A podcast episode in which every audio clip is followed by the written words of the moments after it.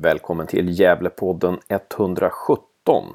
Den här veckans poddavsnitt är uppdelat i tre etapper. Först ett snack med nyförvärvet Grace Tanda som berättar om varför han valde Gävle IF och vilket mål han tycker var snyggast som han gjorde i division 1 förra säsongen. Därefter kommer en analys av dagsläget i Gävle IF inspelat efter Grace Tanda-intervjun förra veckan. Det är jag, Hasse och Josef som funderar och diskuterar och analyserar. Detta gör vi innan nyförvärvet, det senaste, av Jake Maguire. Båda de här två senaste nyförvärven har verkligen gjort att jag fått tillbaka hoppet. Grace Tanda var en stark värvning och Jake Maguire känns också som en väldigt stark värvning. Kom ihåg att han alltså tillhörde MLS-klubben Philadelphia Union så sent som förra året. Det är riktigt stort. Och sist men inte minst, det sista segmentet, det tredje segmentet i Gävlepodden 117 utgörs av en över en timme lång intervju med Kevin Johansson, numera kommunikationschef i Brynäs IF Hockey, men tidigare verksam som sportjournalist på VLT i Västerås. Ingen kan division 1 så bra som Kevin Johansson. Därför går vi också igenom alla lag i division 1 norra. Vi diskuterar också division 1-serien, varför det är den dyraste serien och svåraste serien i svensk fotboll. Vi diskuterar också vad en spelare på en hög nivå i division 1 kan kosta i månaden. Spekulerar lite kring det. Vi pratar också om Ilir Berisha som nu är lagkapten i VSK och som har förflutet i Gävle IF.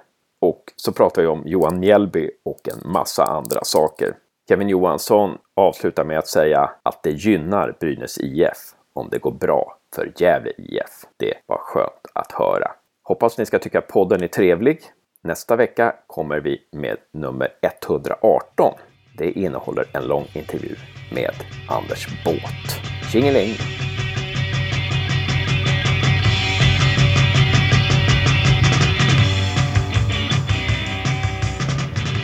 Välkommen till Gävlepodden, Grace Tanda.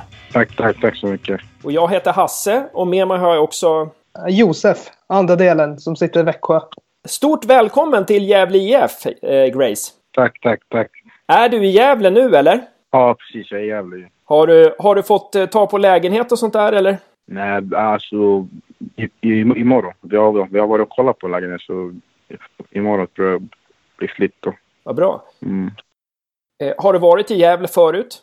Alltså, kanske utanför Gävle. Eller jag har varit i Gävle och spelat, men inte i stan sånt jag spelar. Jag har mött Gävle och Sandviken så här.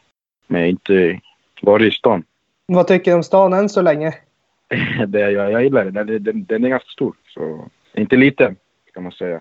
Så, jag, jag har jag har semester, semester år bott i Östersund så det passar mig.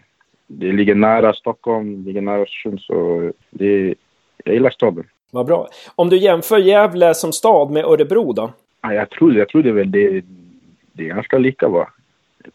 Kanske Örebro lite, kanske lite, lite, lite, lite större. Men alltså jag, jag har inte utforskat Örebro så mycket sen, sen när, när jag var där. Men jag tror det, det, det är typ lika stort. I alla fall stan sånt där. Eh, har, du, har du lyssnat på Gävlepodden någonting? Nej, det har jag inte. Det har jag inte. Eh, tror att du kommer bli en trogen lyssnare? Ja, ja det, det, absolut, absolut. Jag ska lyssna. Jag ska, ska ta och lyssna. Ja, men vad, det låter bra. Det låter bra. Eh, hur, hur gick det till när du hamnade i Gävle IF? Hur, hur, eh, hur gick resan tills att du hade kontraktet klart? Jag fick eh, samtal av min agent. Pratade om att jag jävlar var intresserad och sånt där. Så Marcus, Marcus ja, jag fick ett, ett samtal av Marcus direkt. Han berättade, vi berättade, vi, kop, alltså, vi checkade med varandra och sånt där. Hur, vart jag stod och sånt där och hur Gävle som klubb. Vad de hade för mål och sånt där. Så jag tyckte, jag tyckte det lät, det lät intressant. Vad hade Gävle för mål? Som Marcus berättade för dig. Nej, det, det, kan, det kan jag inte ta. Det kan jag inte ta. Nej, med, med deras mål alltså, det är bara... De ska etablera sig. Sen från där och bli ett bättre lag. Sen får vi se hur, hur långt vi går. Mm. Eh, hade du många andra alternativ också? Ja, det, fann, det fanns alternativ. Men jag tror Gävle är Så det är stor orsak till varför jag valde dem. För det var ett, jag, var här, jag var här förra veckan och kollade hur de jobbade som tränade. Men det kändes, utveck, utvecklingsmiljö kändes skitbra för mig. Och eh, träna, tränarna, kände, de, kände, de kändes bra så därför det blev Gävle. Men sen, sen är Gävle, Gävle, Gävle en stor klubb. Det, det var inget snack om att du skulle bli kvar i forward, eller? I forward? Ja. Ja, det, det, det, det, tog, det, det tog jag. Jag tog beslutet redan innan. Så då, jag skulle söka någonting annat. Så det var, inget, Ja. det var inget snack. Jag skulle, jag skulle stanna kvar i forward. Eh, Hur långt kontrakt skrev du? I forward? Nej, här i Gävle. Tyvärr kan jag inte säga det. Jag kan inte säga det, tyvärr. ja det, det, det är helt förståeligt. Jag får inte säga tyvärr. Jag gissar på att Marcus har pratat om den här treårsplanen med dig också. Ja, det, det, har, han- det har han gjort. Det har han gjort. Så, vi, vet, vi, vet, vi vet exakt vad vi har varandra. Så, ja, jag, är, jag är taggad och börja träna, träna och, och spela för Gävle. Ja, vad roligt. Känner du någon i Gävlelaget sen förut? Nej, jag hade en kompis som spelar, eh, Isak Kärri. Ah, ja, just det. Pratade du med honom någonting? Ja, jag pratade med honom. Jag, jag känner honom sedan tidigare i Östersund. Så, så han berättar, han bara berättar bra saker med Gävle. Så man kan säga han, han spelade också en stor orsak till jag, valde, varför jag just valde Gävle. Sen eh, led, ledarna och spelarna. Så, Mm, vad roligt. Hur, hur är det med Isak nu då? Eh, han spelar i Finland, va? ja, precis. precis. Ja, jag, jag tror han skrev på för några, förra året. Skrev han på ett, lag- ett lag i Finland. Så Han, triv, han trivs i Finland, eller? Det tror jag. Det tror jag. jag har inte, vi har inte snackat så mycket sen, sen jag kom hit. Men det tror jag. Det tror jag att han gör. Jag, jag såg att eh, Chucho Chakasua följde dig på Twitter. Känner ni varandra, eller? Ja, vi känner lite varandra. Så vi, han är från samma, samma land, så kongoleser. Så han vet vem jag är. Jag vet vem jag är. Så Men du pratade ingenting med Ciuci inför övergången. nej, det gör jag inte. Det gör jag inte. Vad skulle du säga att den stora skillnaden är mellan Gävle IF och Forward som klubb? Alltså, så jag är jävligt... Jag, jag, jag vill inte alltså, snacka om så här med jävlig vecka med en pro- proffsig klubb kan, kan man säga. Det, proffs, proffsigt, eh, det, det är väl det. Proffsigt och eh, en bra ut, ut, ut, utvecklingsmiljö kan man säga. Mm, vad kul. Eh, Forward är lite mindre klubb kanske. Exakt, exakt. Eh, Skill Sen har du ju varit i Östersund en del också. Skillnaden mellan Gävle IF och Östersunds FK då? Jag skulle, jag skulle, jag skulle kunna säga att att det, det, det är väl samma. Det är samma. Jävla Östersund. Därför, det är samma. Det är träning, träningsuppläggen. Det, är- det är samma som Östersund. Alltså, Marcus är en verkar en bra tränare. Ja, vad kul att höra. Har, har Marcus sagt någonting om hur han vill använda dig som spelare? Nej, vi har inte, vi har inte pratat än. Vi, har inte pratat än. vi kommer göra det senare. Men, Men eh, du kommer spela forward i alla fall. exakt. Så, Va, hur, hur vill du liksom, vill du helst spela som ensam forward eller vill du helst ha två forwards eller har du någon, några preferenser där? Nej, spelar ingen roll. Jag, jag, jag spelar både. Både, både ensam och uh, med två, två forwards. Men jag, jag, jag, jag har lätt att anpassa mig då, så jag kan spela både som forward och ensam forward och med, med två forwards. Eh, Kommer du spela fotboll på, på heltid nu i Gävle? Eller kommer du ha ett jobb vid sidan av? Alltså det, det, det, blir, det blir ju heltid. Sen eh, får man sen kan, vi ska börja jobba, jobba lite sen, sen senare. Så, om jag kommer hit ett lite jobb så kan jag jobba. Eh, ska, eh, vi, vi har ju tittat på din, den här videon med alla dina mål från förra året. Det var ju väldigt, eh, väldigt många fina mål där. Eh, vad, vad, eh, vi- vilket var det snyggaste målet du gjorde 2018 tycker du? jag, jag, jag, vet inte faktiskt. Jag vet inte. Vad, vad tycker ni? Eh, Långskottet. Är det så? Vad, sägs om på volley då? Oh, jag vet inte. Någonting med långskottet jag föredrar ändå mer. Att, Nej, jag håller med. Där. För jag, jag, vände, jag vände upp eh, mittbacken och drar en direkt. Eh, det är så sällan någon spelare i Gävle har gjort mål utifrån. Så man känner att det där kan man faktiskt behöva. Nej, jag, jag, jag, jag, gillar skyttar på alla, alla, alla veckor. Så jag, får jag får läge, jag skjuter. Så det, är inte så att jag tvekar. Jag, jag, jag, vet, jag, jag har bra skott. Jag, den, den duger. Vi- vi- Vilka är dina andra st- styrkor tycker du? Nej, men när folk ser mig, de tror, de tror att jag, är- jag, jag, är bara stark fysiskt, men jag, jag är snabb. Det. Ja, jag såg det i, highlight, i highlights-klippet faktiskt. Ja. När du pet bollen förbi vår assyriska, mål, assyriska målvakt. Ja, precis. jag, är, jag är väldigt snabb och eh, bra, bra, bra, bra utspelare kan man säga. Var, var, du, var du bra på 100 meter när du gick i skolan? Jag gick lite i friidrott när jag var men det var, det, var, det, var, det var inte min grej. Så, Nej. eh, sen, eh, ja, jag, nu när man blir lite äldre, men jag, jag har varit snabb, snabbare än så här. Jag vet jag, när jag, när jag spelade, alltså jag, jag, jag var itter innan. Jag spelade itter. När blev du omskolad till anfallare? Efter att du var ytter? Eh, det, var, det var när jag gick till eh, eh, Skellefteå. Och du vart ju rätt lyckad där i Skellefteå med, vad var det, 11 mål? Ja, så jag, jag, jag hade... Jag var, jag var, alltså det var, jag var, jag var på väg till eh, AFC United då det hette, det där året. Sen eh, drog jag, jag drog på mig en skada och sen, eh, de kunde inte garantera speltid. Så jag drog tillbaka till Östersund. Det enda sättet att få speltid var att dra till, till Skellefteå och få en ny omstart där. Ska man säga, jag, drog, jag drog dit och skrev på ett, en utlåning hela säsongen. Är det en anledning varför du också hamnat i Gävle? Att du känner dig lite tryggare på att du kommer få speltid? Det, det gäller bara, du behöver kriga, du behöver kriga. Men det är inte så att jag är någon stjärna, men det, det gäller bara att kriga och visa trenden. Man, man, ska, man ska spela. Det är ingen, det är ingen, men sen får vi se. När man tittar på klippet så känns det som att du är ganska bra med båda fötterna. Du skjuter bra med båda fötterna, eller? Ja, precis. Jag, jag kan använda vänster också, så... Men Hur skulle du säga att division 1 norra är som serie? Vi som inte har bevakat den på x antal år. Det är, man ska säga, det är, den är ganska fysisk. Den är fysisk, men så det gäller bara att jobba tillsammans. Jobba tillsammans, kommer, sen kommer det aldrig bli bra. När man, man kollar på de här lagen, typ som har gick upp i år, Västerås och Syrianska, det är inte så att de har dominerat lagen de har mött. Nej, så... Men, men det, det, det, det, är en bra, det är en bra serie, kan man säga. Det är en bra serie. Fysisk, fysisk serie som man kommer, kommer krävas mycket hårt jobb.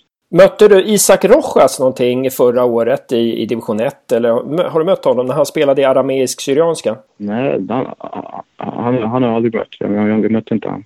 Nej. Jag har inte koll, jag har inte koll på honom. Nej, just det. Har du mött Sebastian Sandlund? Ja, Sebbe har jag mött. Eh, kommer ihåg när jag var i IFK Östersund i division 2. Då, då, han, är, han, är, han är jätteduktig, Sebbe. Jag, jag, jag, jag har sett honom sett i Luleå. Så det är en spelare jag tror kommer... Är han, frisk kommer han komma, komma, komma vara stor. Han är jätteviktig för oss i år. Ja, vad kul. Vad kul att höra. N- Någon, är det någon spelare i Gävles trupp som har imponerat på dig? Jag, jag skulle säga eh, mitt, mittbacken. Eh, Gusman? ja, precis. Han och Louis. Ja, Louis också. Ja, vad roligt. Eh, Det är väl de jag, jag imponerar. Adrian som har imponerat mycket på mig. Och, och när du... Eh, var det någon... Sen har du ju... Du provspelade ju med Gävle där. Eh, och så var, då var ju Samuel Oki också... Eh, han spelade ju i forward förra året. Vad säger du om Samuel Oki?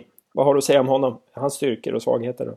Sam- Samuel är en, det är en riktigt bra spelare. En rutinerad spelare. Han, han, han kan, han kan jag säga det, han var jätte, jätteviktig för oss förra året. Det, det, det, det, det såg man. Det såg man. Nej, många gånger när han var borta, då... Man var viktig för forward förra året. Så det är en jätte, jätte, jättebra spelare. Stark, fysisk och han är väldigt snabb som, som mittback. Vad kul att höra. Jag hoppas att eh, Gävle kanske signar honom då. Jag hoppas, jag hoppas. Det, hade varit, det hade varit kul. Ja, precis. Är ni kompisar också utanför plan, eller? Ja, vi är kompisar. Ehm, ja, men vad bra. Vi, då ska vi ta avsluta intervjun här snart. Eh, Josef, har du någon avslutande fråga som du vill ställa? Jag eh, hade en fråga till om provspelarna. Eh, var det någon provspelare som imponerade på dig också? Nu när du var där? Samaroki, inte för att han är min, min, min vän, men för att han, han, han visar vad han, vad han gick för. Och den avslutande frågan då. Om vi, om vi leker med tanken så här att om fem år, om, du, om, du, om allting går som du vill i din fotbollskarriär, var spelar du om fem år? Nej, men uh, om fem år alltså. Jag, om allt går som, som jag vill, då vill jag, vill jag helst alltså, vara utomlands. Kanske i England, Italien. Det, det är väl där jag satsar på att komma Sen man vet aldrig, men det gäller bara jobba, jobba hårdare. Nå, nå, nå, nå dit. Har du en bra agent? Ja, jag tycker han är bra. Jag tycker han är bra. Ja. Vem är det? Får man fråga det? Tyvärr kan jag inte säga. Nej, nej, okej. Okay. Nej, men det är lugnt. Det är lugnt. Det är lugnt. Tack så väldigt mycket Grace för att du ställde upp i, i Gävlepodden. Tack för att ni ringde. Tack för att ni ringde. Lycka till med allting, med fotbollen och eh, hoppas du trivs i Gävle i, som stad och i Gävle IF som klubb. Tack ska du ha.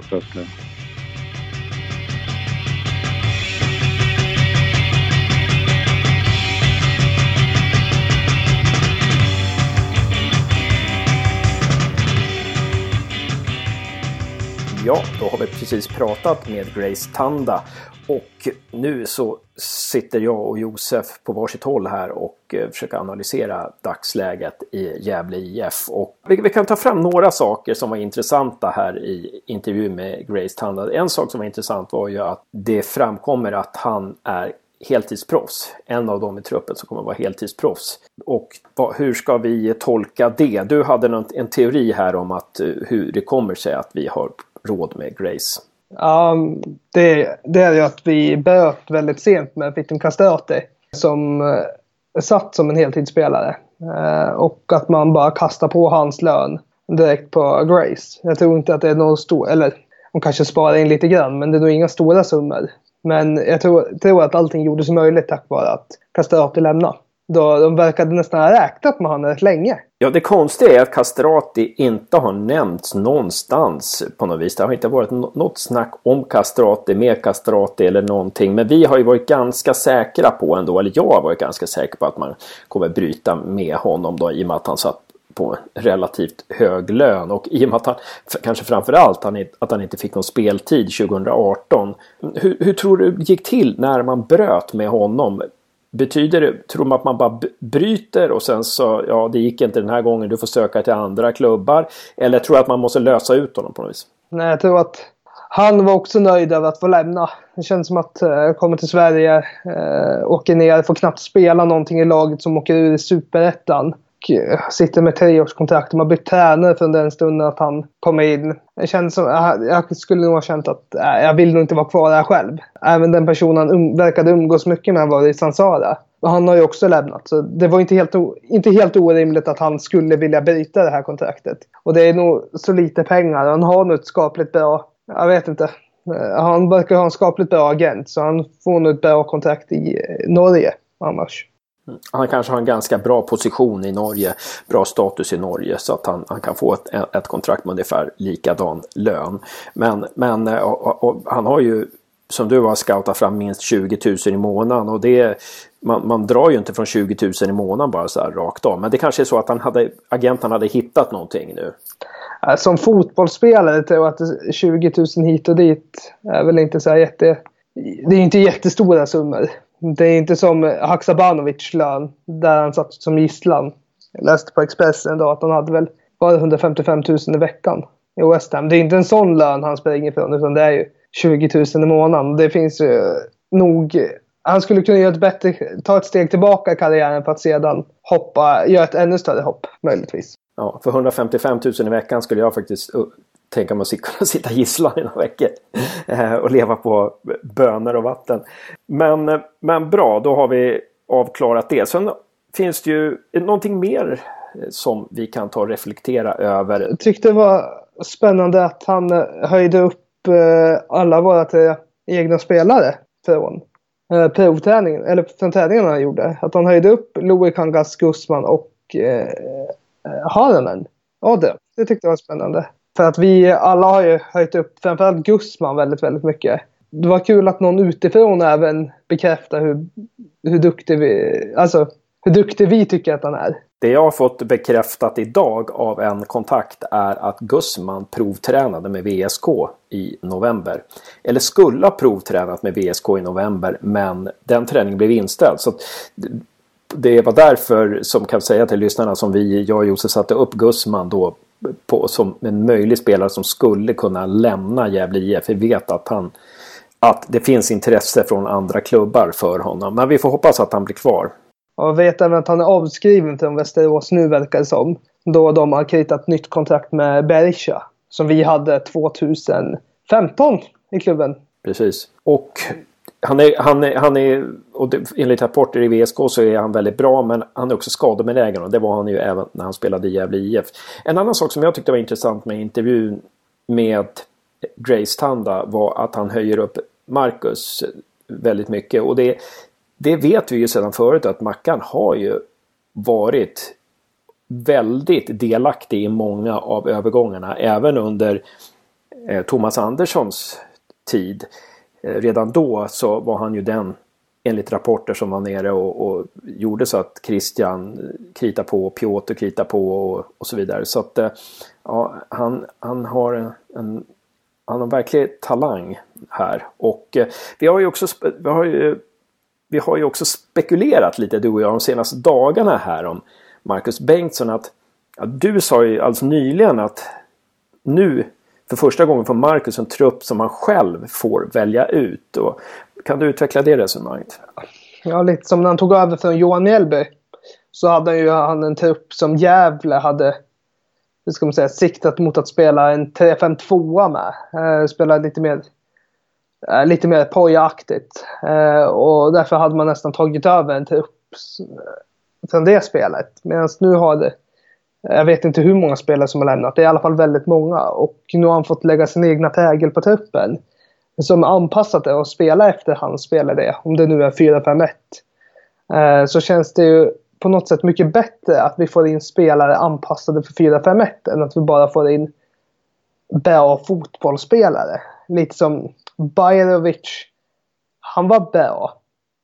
Det såg vi ju. Men vad gjorde han? Han gjorde två mål i tre matcher, eller under tre matcher.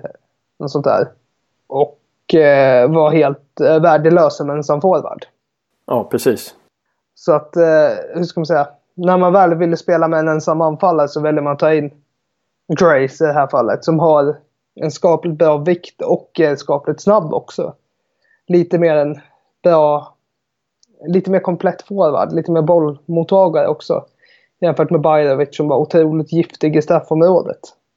Sen har ju Mackan nu i år en trupp där han är huvudtränare inför. Förra året så var han ju faktiskt han var huvudtränare i en trupp där han egentligen var sedd som assisterande tränare. De hade ju uppfattat honom som assisterande tränare i och med att han, inte, i, och med att han var assisterande ja, från början av säsongen. Men här, här får han ju liksom den, den pondusen inför gruppen redan från början och det kan nog betyda en hel del. Eh, för att det, kan, det är ju väldigt det är desarmerande för ett ledarskap när man tvingas eh, när man, tvingas, man måste bevisa att man är en bra ledare hela tiden. När man måste när, när, ja, när man har några som inte ser en som den stora ledaren. Det, det, kan bli väldigt jobbigt ledarskap och det kanske var så det blev. Jag bara spånar 2018. Så att det, den här gruppen eh, i den här gruppen är han, för den här gruppen är han huvudtränare. Och det, det tycker jag ska bli intressant att se vad det får för konsekvenser. Ja, någonting annat. Det som var intressant var ju att Grace också nämnde Samuel Oki och att det var en av hans bästa kompisar. Vad tror du? Kan det bli så att vi signar Samuel Oki? Jag fattar inte riktigt varför Samuel Oki var på provspel här hos oss. Känslan var att han var mittback. Och det är han. Och vi har ju, har ju två mittbackar redan, om jag inte har fel. Med Norén och eh, Russman. Och känslan var väl att vi skulle ha in en högerback snarare än en till mittback. Men det kan, det kan ju vara så att de använder Mårtensson Almevid som eh, högerback i år. Eh, och eh, försöker få in en till mittback. Ja, Kevin Persson kan ju också spela mittback om det skulle knipa. Han har också spelat på den positionen. Så att, men, men visst, alltså det, det, vi ser ju av förra året så ser vi att det är viktigt med bra mittbackar. Det är ju, det är ju verkligen, jag menar Värnamo borta var ju en katastrofmatch. Eh, det där, det, ibland gäller det, lyfte man ju bara mot oss och så blev det farligt. Eh, det var inte bara Värnamo borta utan det var ju typ hela säsongen. Oh, jag lyfte fram en, en match för att eh, lyssnarna skulle få någonting att relatera till. Ja, Samuel Oki, men, men eh, vilken, vilken chans tror du att vi tar in Oki? Vilken, hur, hur tror du procenten är där?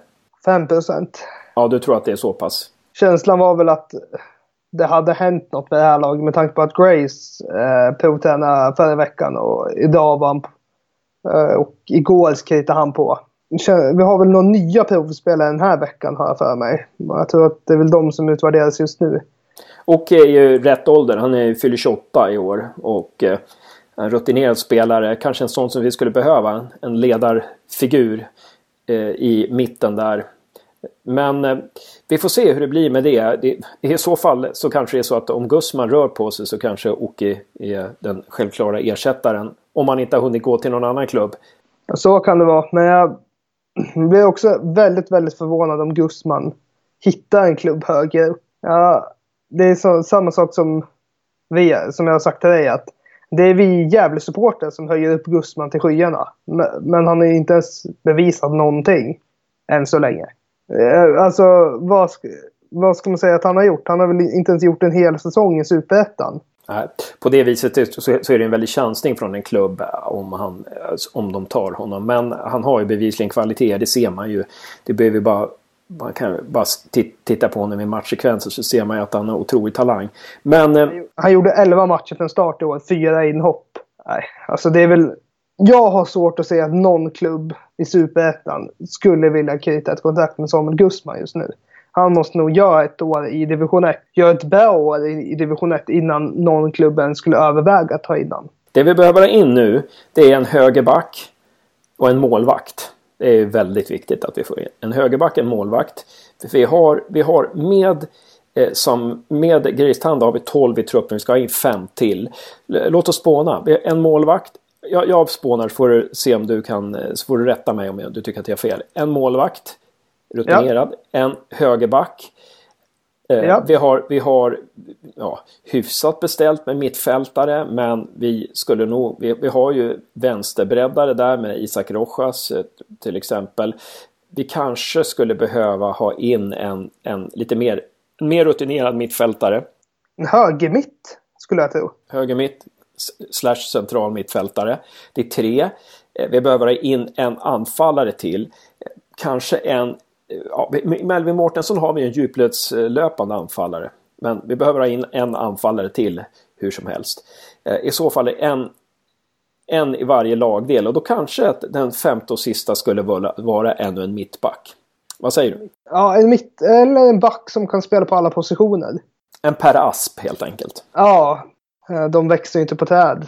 Men eh, jag vet inte. Känslan är väl det. Ocki skulle jag inte säga nej till verkar det som ändå. För att vem sa du? Samuel Loki. Eh, men det kan nog ske. Uh, undrar vad de kommer lägga mest pengar på just nu. Om det är en till mittfältare, högerytter de prioriterar eller om det är en målvakt de kommer lägga mycket krut på. Precis. Det, det, en målvakt är ju, måste ju vara en målvakt och en högerback. Det måste ju vara liksom stor prio. Men, men målvakt är det nog rätt lätt att hitta trots allt. Det finns många målvakter på marknaden och den positionen fylls ganska snabbt i trupperna. Det finns väldigt många bra målvakter i lägre serier. Eh, som till exempel tog Vinsta Sasjanik, Soran Akovic, eh, Emil Hedvall. Ja, han var helt okej. Okay. Men vi har ju tagit väldigt många målvakter från lägre serier. Och det är väldigt vanligt att det gör så. Så att eh, det, ska nog, det är nog det minsta problemet som du säger. Och man borde... Är man noggrann där så hittar man nog, kan man nog hitta en jäkligt bra målvakt. Eh, vi hade ju Francis de Vries eh, mittback Nyköping på, på provspelet. Där, där fick vi från en kontakt som sa att den, den behöver ni inte bry er om. Eh, däremot så, så, tycker jag att Andreas Smedbacken, eh, forward från Hudiksvall, kan spela mittfältare också. En, en ledarfigur som jag tycker att vore väldigt intressant att få till Gävle IF. Han eller Mr Hudiksvall typ. Eh, vad heter han? Per Löv. Som har gjort år och dag där. Eh, mittfältare, anfallare. Skulle vara spännande. Som, som snittar liksom 10-15 mål per säsong någonting. Eh, sen fick vi tips om eh, Alagi Sosse från forward. 33 år i och för sig men eh, också en, en stark forward. Som eh, som har hamnat lite under radarn faktiskt. Eh, men eh, ja, vi får se var vi hamnar. Det är intressant med silly season. Eh, egentligen så det är, det är ungefär som fotboll manager. Man, ska, man, behöver inte ha, man behöver inte ha någon, se någon levande fotboll. Utan det får bara... Det, det, det, kan bara pågå. Det är som ett spel. Men det känns härligt med den här pusselbiten. Eh, jag tycker det känns mycket roligare nu helt plötsligt när Grace Tanda kom. Det kändes som en powervärvning och lite som du sa, vad fan, ja, det är klart att det här måste de ju göra nu när, nu när Sandviken kritar med, med eh, Leo Englund. Englund. Det kändes lite hopplöst och jag har jag vet inte hur många, många gånger jag nämnt att vi ska ta in Leo Englund. Och eh, sen är det den värsta konkurrenten som tar in han. Eh, och då var det väl... Det har ju sett jäkligt tomt ut som du säger. Så det var ju dags att vi skulle få in någon powervärvning. Och den här spelaren hade ju ännu mer hur ska man säga, styrkor än vad Leo hade. För han hade gjort alla sina eh, genom spelmål, om jag inte har fel. Precis, 13 spelmål. Medan eh, Leo Englund gjort 6 straff, straffmål.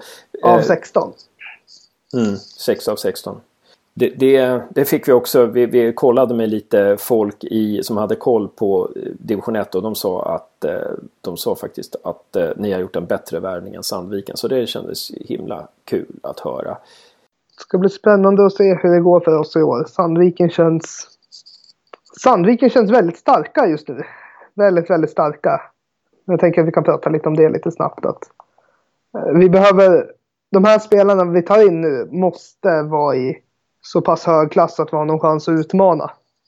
Och om det nu skulle bli så att vi får in tillräckligt med pengar på ett eller annat sätt eh, som täcker upp vår skuld på 4 miljoner så skulle vi säkert kunna få in eventuellt en spelare till. Så att man skulle kunna ta upp på 18, 19. För att i längden så kommer vi bli skjuta oss själva i foten med vår 17 mannatrupp.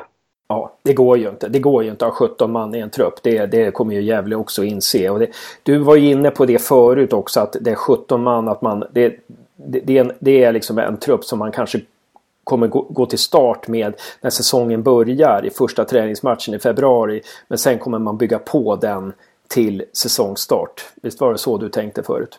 Ja, det var det. Och att jag tror någonstans måste de väl inse själva att det är omöjligt att ha 17 man i en trupp. De är inte så, så dumma. 17 man är inte ens en full avbytarbänk. Eh, jag tror att Sandviken har 22 man i truppen just nu. Ja, men eh, hörru du Josef, ska vi eh, låta det snacket avsluta den här delen av Gävlepodden? Ja, det tycker jag, det tycker jag. Och du ska, om några veckor så kommer jag hälsa på dig nere i Växjö och då förhoppningsvis gör vi lite intervjuer där nerifrån. Ha det gott grabben! Ha det gött du med!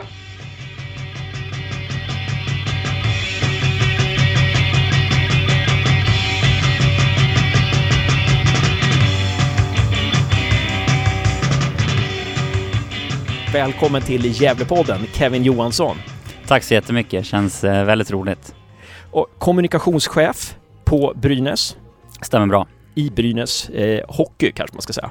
Ja, precis. Det finns ju fotboll också. Det har jag ju fått lära mig nu när jag kommer hit till Gävle. Så, men Brynäs IF Hockey stämmer. Just det. Och eh, du har tidigare jobbat på, för Mittmedia i Västerås. Eh, hur är dina känslor för Brynäs där? Hur var dina känslor för Brynäs IF när du bodde i Västerås och där? Där var det ju att det var en, eh, en stor, anrik, klassisk eh, hockeyförening som eh, över tid har vunnit mycket. Det var ju den kopplingen jag hade och sen när frågan kom så var det ju en enorm stolthet. Tittar man på eh, hockeyn i Västerås så har ju inte de varit i högsta serien sedan jag var nio år ung. Eh, så det var ju häftigt då med tanke på att det är en klubb som är så etablerad. Precis. Och nu har du kommit till Brynäs IF, men förut, innan det, så jobbade du på Mittmedia. Vad är det för skillnad att gå från en mediakoncern till ett elitlag? Jag behöver inte jaga några nyheter i alla fall, det kan jag ju säga. De, de dyker ju in på, på mitt kontor eh, när det är dags. Eh, det är ju den absolut största skillnaden och lite grann också i, eh, i bemötande så eh, framförallt om man tittar tillbaka till mina första år på VLT innan jag skapade relationer och så att man kommer in i, i alla rum och det är ingen misstänksamhet och, och sådär. I övrigt är det ju väldigt, väldigt mycket som är likadant också. Att det går ut på att skapa engagemang kring eh, kring föreningen. Någonstans när du jobbar inom media som jag gjorde på, i mitt media på VLT då så handlar det om att skapa intressant engagemang oavsett positivt eller negativt. Idag är det väl att eh, i den grad det går skapa så mycket positivt engagemang som möjligt men också vara tydlig och informativ när det handlar om eh, mindre roliga grejer.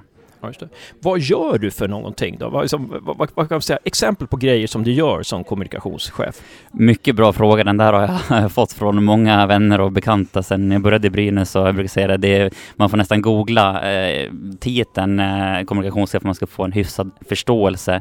Eh, men i mångt och mycket det är väldigt, väldigt brett. Om man tänker att eh, Brynäs har en fem, sex olika verksamhetsområden där eh, hockey är en del så, så förstår ju alla tittar på hockeydelen med sociala medier, hemsidor, hemsida, eh, de klipp som produceras, intervjuer som görs. Men sen är det ju eh, i min roll egentligen är det en liten del, säg 10 procent, medan 90 procent handlar om att sitta mycket möten, prata om mycket koncept, strategier, eh, framtid, hur klubben ska växa. Ehm, här i när vi pratar just Brynäs och Gävle så har ju Brynäs verksamhetsområdet en bra start. Mycket kring, kring det. Det är mycket kring marknad, ta fram kommersiella strategier för att sälja. Det blir de här lite sakerna som inte kanske är lika roligt att höra och lyssna om så, nej, men det är nej. väldigt viktigt i, i en sån roll. Så att, um, jag fick en fråga av en uh, en liten kille när jag var på en träningsmatch som han såg att jag hade en Brynäsjacka och så sa han ja, eh, spelar du Brynäs? Och då fick jag säga nej, jag, jag jobbar med kommunikation. Ja, vad är det? Jag försökte förklara. Jaha, så du jobbar med Instagram?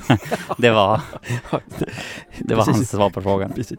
Så det, det, kan du svara? Du, du vet att i en viss ålder kan du säga det? Precis, jag jobbar med Instagram, det är enkelt. Och hur pass beroende, eller hur pass, ska jag säga, känsligt är, är liksom ditt jobb och dina sysslor för Brynäs tabellplacering, så här, hur det går sportsligt för herrarnas A-lag. Ja, vi har ju ett par raka torsk här nu så jag fick ett utvecklingssamtal eh, när jag kom tillbaka från helgen. Nej, skämt åsido. Det, eh, jag försöker som alla andra bidra så mycket som möjligt. Rent sportsligt så bidrar jag nog eh, väldigt, väldigt lite. Så däremot så, så på sikt mer kanske finansiellt skapa intäktsmöjligheter Eh, där bidrar jag nog desto mer och vill man se det riktigt mycket över tid så är ju det det som skapar i sin tur kanske att eh, en klubb kan öka sin spelarbudget, värva lite bättre spelare och då på sikt också placera sig bättre i tabellen. Så att på kort sikt väldigt lite, på lång sikt hoppas jag verkligen att jag kan bidra så mycket som möjligt. Just det. Att, att, skapa en position för Brynäs rent kommunikativt som gör att klubben blir ansedd av fler på något vis det är huvuduppdraget och, och det som jag verkligen har som, som målsättning varje dag eh, och strävar efter. Och, eh, jag hoppas väl att det har gett någon form av effekt eh, sedan jag började i klubben och det är åtminstone det som jag driver för varje dag. Mm.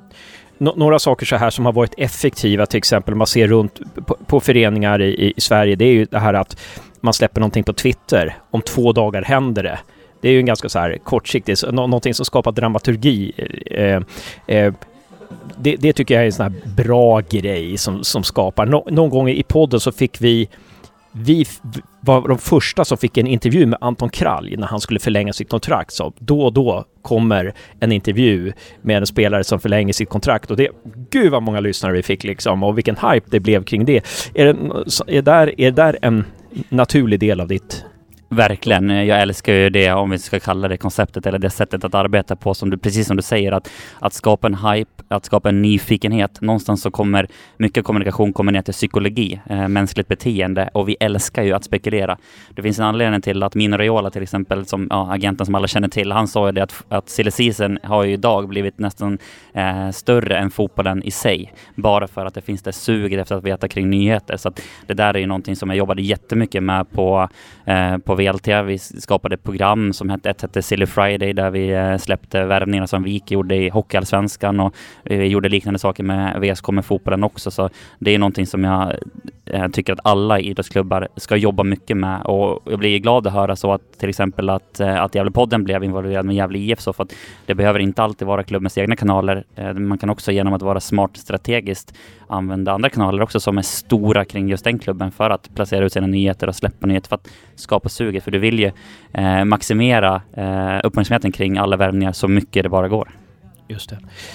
Väldigt bra. Det var väldigt bra för oss, den kommentaren. Tack så, tack så mycket. Är det någonting som svenska klubbar är kanske en känslig fråga, men någonting, eller så här, någonting som svenska klubbar kunde bli bättre på om man tittar på utlandet när det gäller kommunikation och, och skapa liksom, intresse kring sig och så?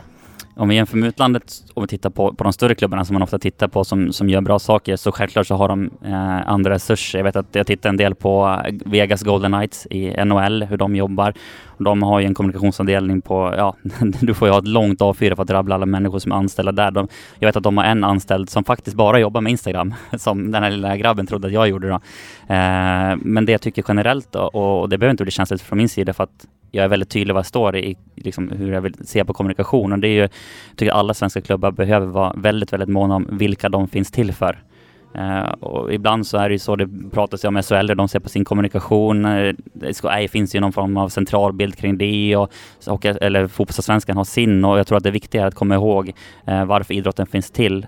och det är ju för allmänheten, för samhället, för att skapa och generera intresse. Någonstans i grund och botten så är det lite av showbiz. Det finns till för att skapa vardagsunderhållning i alla fall, ett, ett ord som jag använder, att, att skapa glädje och engagemang för alla, inte bara inuti klubben utan så att, att verkligen rikta kommunikationen mot de som, som följer klubben och de som är där varje dag, bryr sig och engageras av det.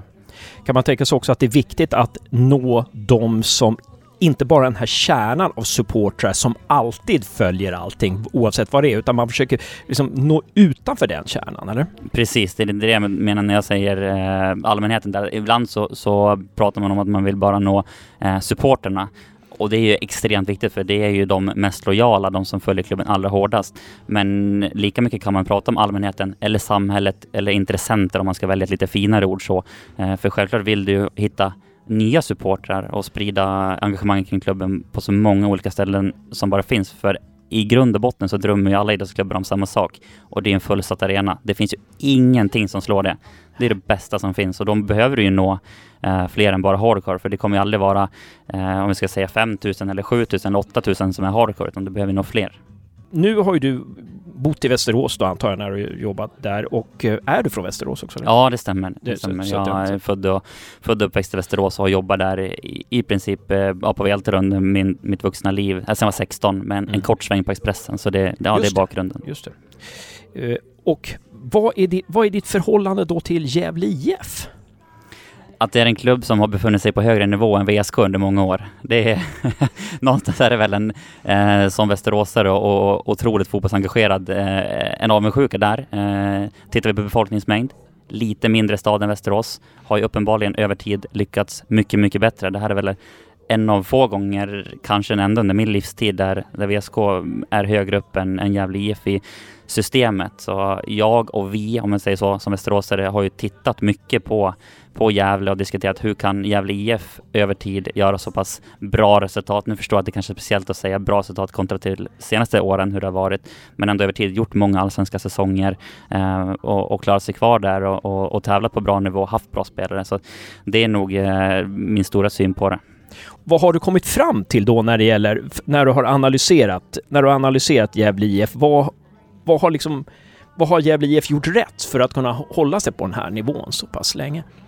någonstans som jag ser, och jag är definitivt inget eh, facit i den här frågan, det finns de som, som kan det bättre, men jag kan ju bidra med en röst hur man ser på det utifrån. Och det är ju framförallt så, som, vilket ofta är avgörande, det spelar i rekryteringar. Självklart har Gävle IF över tid rekryterat bättre spelare. Jag tror också, eh, utifrån min erfarenhet nu att jobba här i Gävle i ett halvår eh, utifrån vad Brynäs är, men också som jag tror utifrån vad Gävle IF har varit över tid. Eh, en mer eh, lojalt näringsliv sett till hur man ställer upp för idrotten. Eh, nu är det inte så, det förstår jag också, att Gävle IF inte har varit en av Sveriges rikaste klubbar, men för att kunna ändå hävda sig i svensk elitfotboll över så pass många år så måste klubben ha haft eh, en bra bas av lojala sponsorer som har funnits där. Eh, så det är, det är någonting som VSK har eh, saknat. Sen kan man vända på det där. Eh, har klubben varit tillräckligt bra på att, att generera sina intäkter? Men jag tror att det finns ett samspel mellan stad och klubb så att det är aldrig bara det ena eller det andra. Det är inte så att någon kommer med och skänker pengar till en klubb, men samtidigt så är det så att det finns ju vissa städer som investerar mer i sin idrott och där är min bild att Gävle investerar hårdare än Västerås. Västerås är väl också en stad där bandyn egentligen har varit mest framgångsrik om man jämför med hockey hockey och fotboll. Eh, vet ni, är det någon mer sport? Har vi någon volleyboll eller handboll där? Ja, om vi tittar på, på rent framgångsrikt så var Irsta HF i handboll framgångsrikt eh, någonstans i början på min livstid, jag är född 1990. Eh, så de var ju bra i början där. Har också eh, haft ett, eh, ett damlag som under väldigt många år varit eh, någonstans boende, eh, bofasta som ett kvartsfinallag i, eh, i elitserien, högsta serien. Har nått semifinal något år, inte tävlat med SM-guld. Sen har vi innebandy, också damidrotten som har varit långt fram i Västerås där eh, Rumby Tigers innebandylag vunnit ett antal SM-guld. Vad hette Men- de sa du? Rumby Tigers. Okej, eh, okej. Ett, ett Västeråslag som har ett, ett annat namn då. Eh, med bland annat Carolina Vidar och en av tidernas största i innebandyn. I herridrotten så är det ju, är det ju bandyn då som definitivt varit drivande. VSK är ju som många vet mesta mästarna i bandy har samlat eh, otroligt många SM-guld över tid och även i ja, modern tid också då. Ha, ha, tror du, har bandyn... Eh, eller om, du, om du jämför liksom bandyns, VSK bandys ställning gentemot fotboll och hockey mot Brynäs IFs ställning gentemot Gävle IF. Finns det några likheter där? Uh, ja och nej. Banden har varit större än fotbollen. Uh, om vi tittar på best case scenario så här över modern tid. När jag har bevakat och följt klubbarna så gick banden från 10 till 20 miljoner i omsättning. Och eh, när banden var på 20 miljoner i omsättning så var eh, klubben bäst i Sverige, ledande i Sverige där då. Och vann också då eh, dubbla SM-guld, vann World Cup, vann Svenska cupen så. Alltså samlade på eh, titlar. Fotbollen har ju legat på väldigt låg omsättning tror jag från att jag kommer ihåg ett år eh, där spelarbudgeten eh, ska ha varit någonstans nästan under en miljon kronor. Jag tror den totala omsättningen var 4-5 miljoner. Eh, så där var ju bandet någonstans då eh, fyra gånger större. Samtidigt så har Eh, hockeyn ändå alltid varit större än banden dessutom. Även om hockeyn inte varit på högsta eh, nivån så har ju hockeyns bästa siffra under 2000-talet varit upp mot 40 miljoner, så har ändå varit nästan dubbelt så stor som bandyn eh, intäktsmässigt där. Här i Gävle så är jag ju fullt medveten om att Brynäs alltid över tid har varit eh, otroligt stor och även när Gävle IF gjorde sin, sina bästa säsonger i Allsvenskan så förstår jag att Brynäs har varit mycket större. Så att lite likheter men ändå samtidigt eh, lite olikheter. Samtidigt som jag kanske kan tänka mig att här har fotbollen varit tydligt tvåa ändå. Mm, precis. Det, det, det har det ju varit. Det har det ju he helt klart varit. Det, det som är Stisse Åberg på Mi- Mitt Media, som du säkert haft mycket kontakt med när du jobbade där nere, eh, eller ABGD ska jag säga, Stisse på ABGD. Verkligen, vi, vi har haft mycket kontakt. Ja, Jag tycker väldigt bra om honom. Ja, ja, en återkommande gäst i Gävlepodden också. Han säger ju det här att Brynäs är hela Sveriges lag medan Gävle IF är Gävlebornas lag. Eh, Är det någon uppfattning som du har fått där? eller? Ja, det tror jag att eh, utan att ta ifrån Gävle IF någon, någon, någonting för att jag vet att det finns en bild som jag sa. Eh, för mig som västeråsare så har man ju följt Gävle IF också, men jag ser ju nu eh, när jag jobbade i Brynäs var jag runt. Vi var bland annat och spelade i Örebro och sjöng ut Örebro. Jag är väldigt färgad i det här, det ska erkännas. Men jag tycker att vi ganska tydligt sjöng ut dem på läktarna. Eh, var nere i Malmö, såg massor med Brynäs-tröjor där. Har varit på Hovet och sett tusentals Brynäs-tröjor. Jag vet att det finns eh, en supportergrupp uppe i Skellefteå som är eh, brynäsare. Så där har jag nog Stisse rätt att, att Brynäs är tillsammans med, eh, det är väl som att svära kyrkan i Gävle, men tillsammans med Leksand är, är nog Brynäs det laget som kanske har inom hockeyn då flest supportrar över landet. Lite så kanske som AIK har i fotboll, eh, skulle jag kunna tänka mig. Mm. Vi, jag och min son, vi åkte runt, vi har run- åkte runt några somrar och så har vi åkt på lite allsvenska arenor och när vi var till Kalmar en gång, jag tror det var 2012 eller något sånt där, så, så ja det var 2012 efter att Brynäs hade vunnit guld där, så då hade Josef på sig en Brynäs-keps och liksom ah, heja Brynäs var det flera som sa då. Men, men sen så var vi till Göteborg och såg IFK Göteborg, Halmstad och sånt där. Eh, ungefär samma, jag tror det var samma år eller året efter. Då hade han en, bry, en jävla IF-keps. Fel lag! Ja, precis. Det finns väldigt många Brynäsare i Göteborg också, egen Mm. supporterklubb. En officiell supporterklubb eh, Ja. till Brynäs som, som är i Göteborg. Så Skandinavien är också alltid välfyllt med massor med Brynäsare. Det Ja, eh, väldigt häftigt att, att vara med om. Men, men just när han hade Gävle IF-kepsen, då var det mer som fel lag. Men han hade Brynäs-kepsen och Brynäs. liksom Ja. att det var, det, det var, det var, var inte så många Gävle IF-supporters liksom som kunde, där i Göteborg sådär, utan Nej, precis. Och det är ett tecken på det som du Nej. säger, att, att där finns det ju en, en skillnad. Och det kanske Ja. är så att en, Mm. en stad med drygt 100 000 invånare kanske inte rymmer på samma sätt, att du kan Nej. bli lika engagerad för, eh, för två klubbar. Västerås har ju lite skillnader. Där har du ju VIK med hockeyn och sen har du VSK Mm. med, med bandy och fotboll där det finns två tydliga klubbmärken. Så, så att, ja, det kanske är Mm. lite skillnad på det sättet. ja. Skulle, vad, vad tror du? Om, Gävle IF skulle bli större här nu då, liksom, säg att de säljer en spelare för 50 miljoner och helt plötsligt börjar gå upp i serierna eh, och börja vinna, vara på övre halvan i allsvenskan. Skulle det vara dåligt för Brynäs eller skulle det vara bra? Jag vägrar att tro på att det skulle vara dåligt. Jag, det, det, går emot liksom allt jag eh, hoppas och tror på och står för inom idrotten. Jag tror bara att det skulle vara positivt. Jag tror att, eh, att vinna mentalitet gynnar vinna mentalitet. Så tvärtom, jag hoppas att det, det går så bra som bara möjligt. Jag tror på inget sätt att det skulle vara negativt och, och har tänk att Gävle IF skulle konkurrera om, jag vet inte, Europa League-platser så och möta de här storklubbarna, Malmö FF och AIK så. Jag tror bara att det föder människor som intresserar sig för idrott och att besöka idrotten, för där har idrotten ett problem oavsett om det är eh, om det är Brynäs eller Gävle IF eller någon annan klubb i Sverige, att, att publiksiffrorna eh, och trenderna pekar neråt. Så jag tror att mm. vi behöver föda ny, ny publik och få det att bli bli häftigt. Jag brukar ta ett exempel. Min lilla, lilla syster är 13 år. Eh, och hon tittar på varje Barcelona-match i fotboll, varje Roma-match i fotboll. Barca för att hon håller på Barca och Roma för att Robin Olsen eh, står i mål där.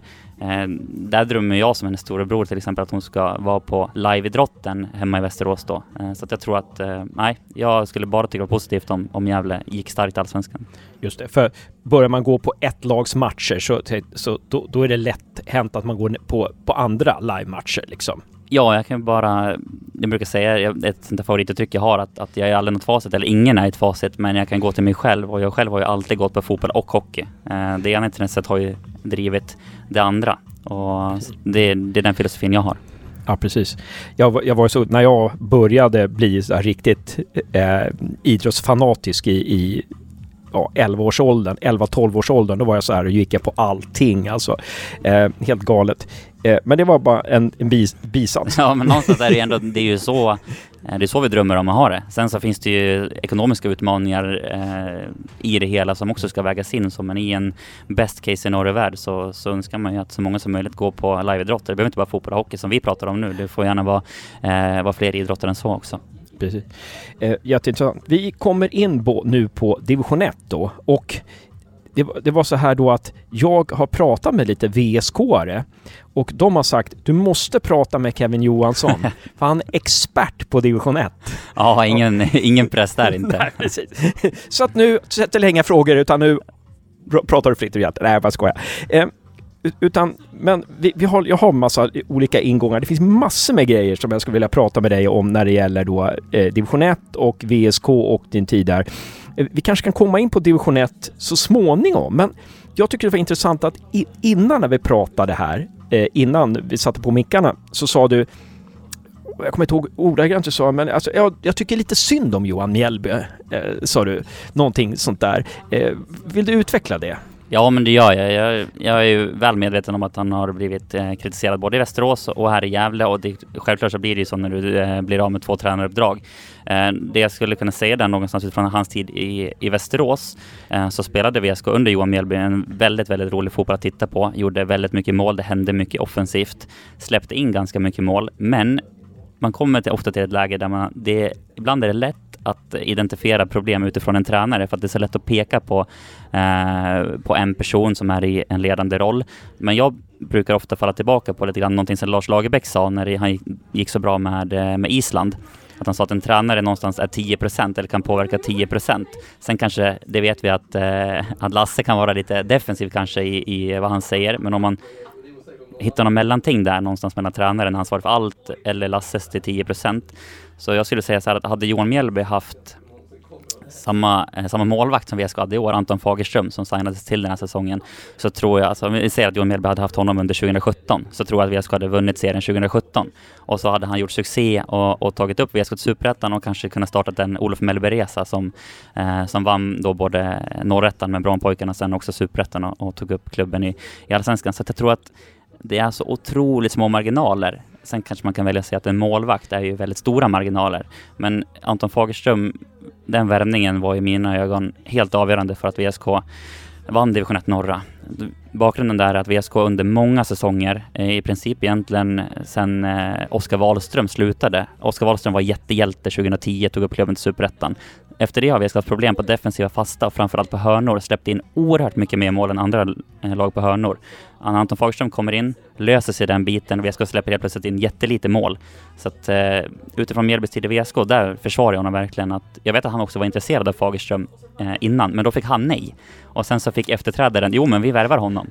Så att det är lite så här bakom kulisserna i fotbollen, hur, hur avgörande det kan vara för en manager, vilka spelare den får på vilka positioner. Ja, det är, det är spännande för när vi pratar med Jesper Björkman, JB som han kallas, som nu har eh, gått ifrån Gävle IF och uh, kanske är på väg till Västerås faktiskt, eh, uh, VSK.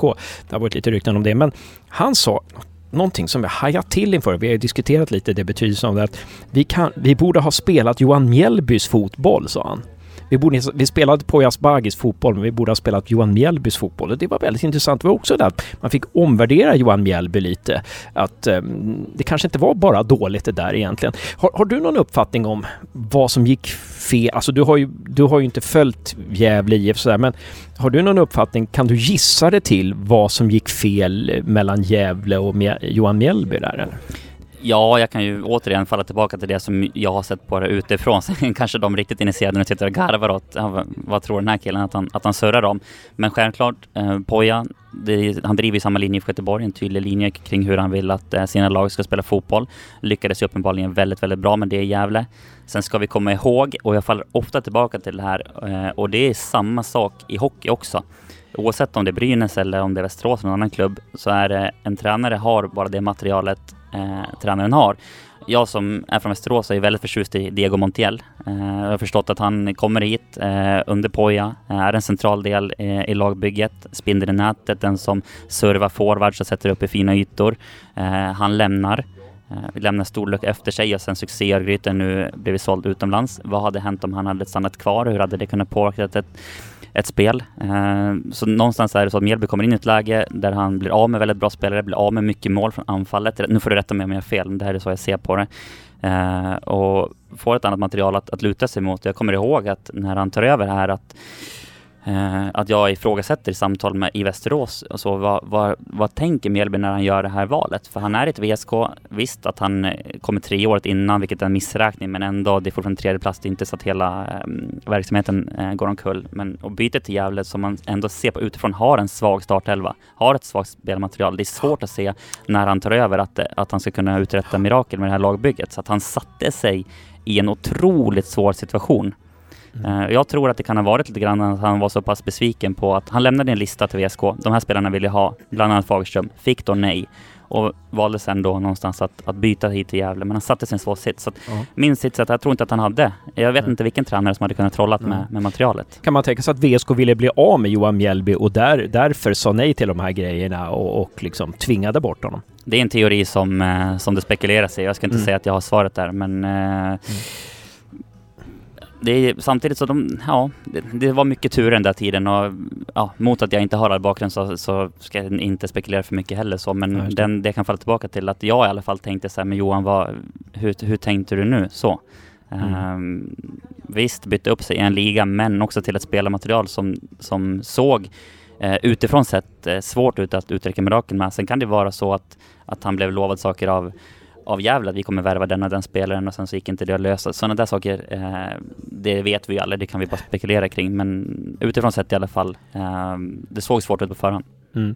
Precis det som du säger sa Johan Mjällby till mig att, eh, jag sa flera gånger liksom i podden också att ja, jag blev ju lovad. Eh, det berättade de inte så här och, eh, och jag blev lovad det och det. Och sen så sa han så här, så sa jag någon gång så här, de här VSK-pengarna, de har ju fått in, ja, några miljoner fick jag aldrig någon nytta av. Så. Nej, och det, det har han helt rätt i. Uh, att de, de investeringarna, mycket av det kom, uh, kom också senare. Uh, mm. Det var ett läge där VSK hade satt sig i ett antal dyra kontrakt sedan tidigare och ändå höll lite grann i det där. Så att, ja, det är det jag menar, att, att någonstans två uppdrag sedan han kom hem eh, till Sverige som inte blev lyckade, men också en del omständigheter som gör att åtminstone jag inte är beredd att, så, att såg honom för hårt. Har, sen så, hade han kunnat göra saker bättre? Självklart, det tror jag han skriver under på själv alla dagar i veckan också. Men finns också omständigheter som gör att eh, att det inte var busenkelt. Ja, just det. Det, det finns ju många ingångar här, många intressanta ingångar och se vad vi ska gå vidare. Men det är också intressant att, att prata om Tor-Arne Fredheim som kommer då ifrån Trollhättan. Va? Eh, och eh, Trollhättans FC, eller FC Trollhättan? Ja, i division 2. Division 2, ja. Som sen togs över då av Stefan Lundins son. Eh, eh, William Lundin som vi pratade med tidigare på podden, så han kom upp dit och tog upp Trollhättan. Ja, hur som helst, det är en parentes, men Tor-Arne Fredheim kommer och ja, till synes då uträttar underverk och jag tror, jag tror VSK leder serien. Och, Stämmer. Ja, och så får han gå. Eh, och där har det ju pratats då om, ja, det har, eh, ja, hans ledarstil, han tappade omklädningsrummet, eh, sades det och sådär. Eh, det, det, låter ju väldigt konstigt för när folk pratar, när, jag, jag har hört väldigt bra om Tor-Arne Fredheim. Många unga tränare säger att jag har lärt mig jättemycket av Tor-Arne Fredheim och så, och så leder han serien och så får han gå. Eh, ja, väldigt konstigt. Eh, kan du ge oss några svar där? Eller? Det kan jag. jag. Jag kommer ihåg när den nyheten kom. Ehm, sorry att jag tappade lite röst här. Jag är lite förkyld så jag behöver harkla mig lite. Eh, jag hade precis, eh, precis bytt jobb då, så jag var inte inblandad i, i det avslöjandet som min tidigare arbetsgivare VLT då hade med den nyheten. Ursäkta, jag hoppas att ni, att ni hör mig nu, att det, att det här släpper. Blev lika förvånad som alla andra Eh, sparka tränaren som leder serien var bara det beskedet utåt sett, det ser ju väldigt speciellt ut.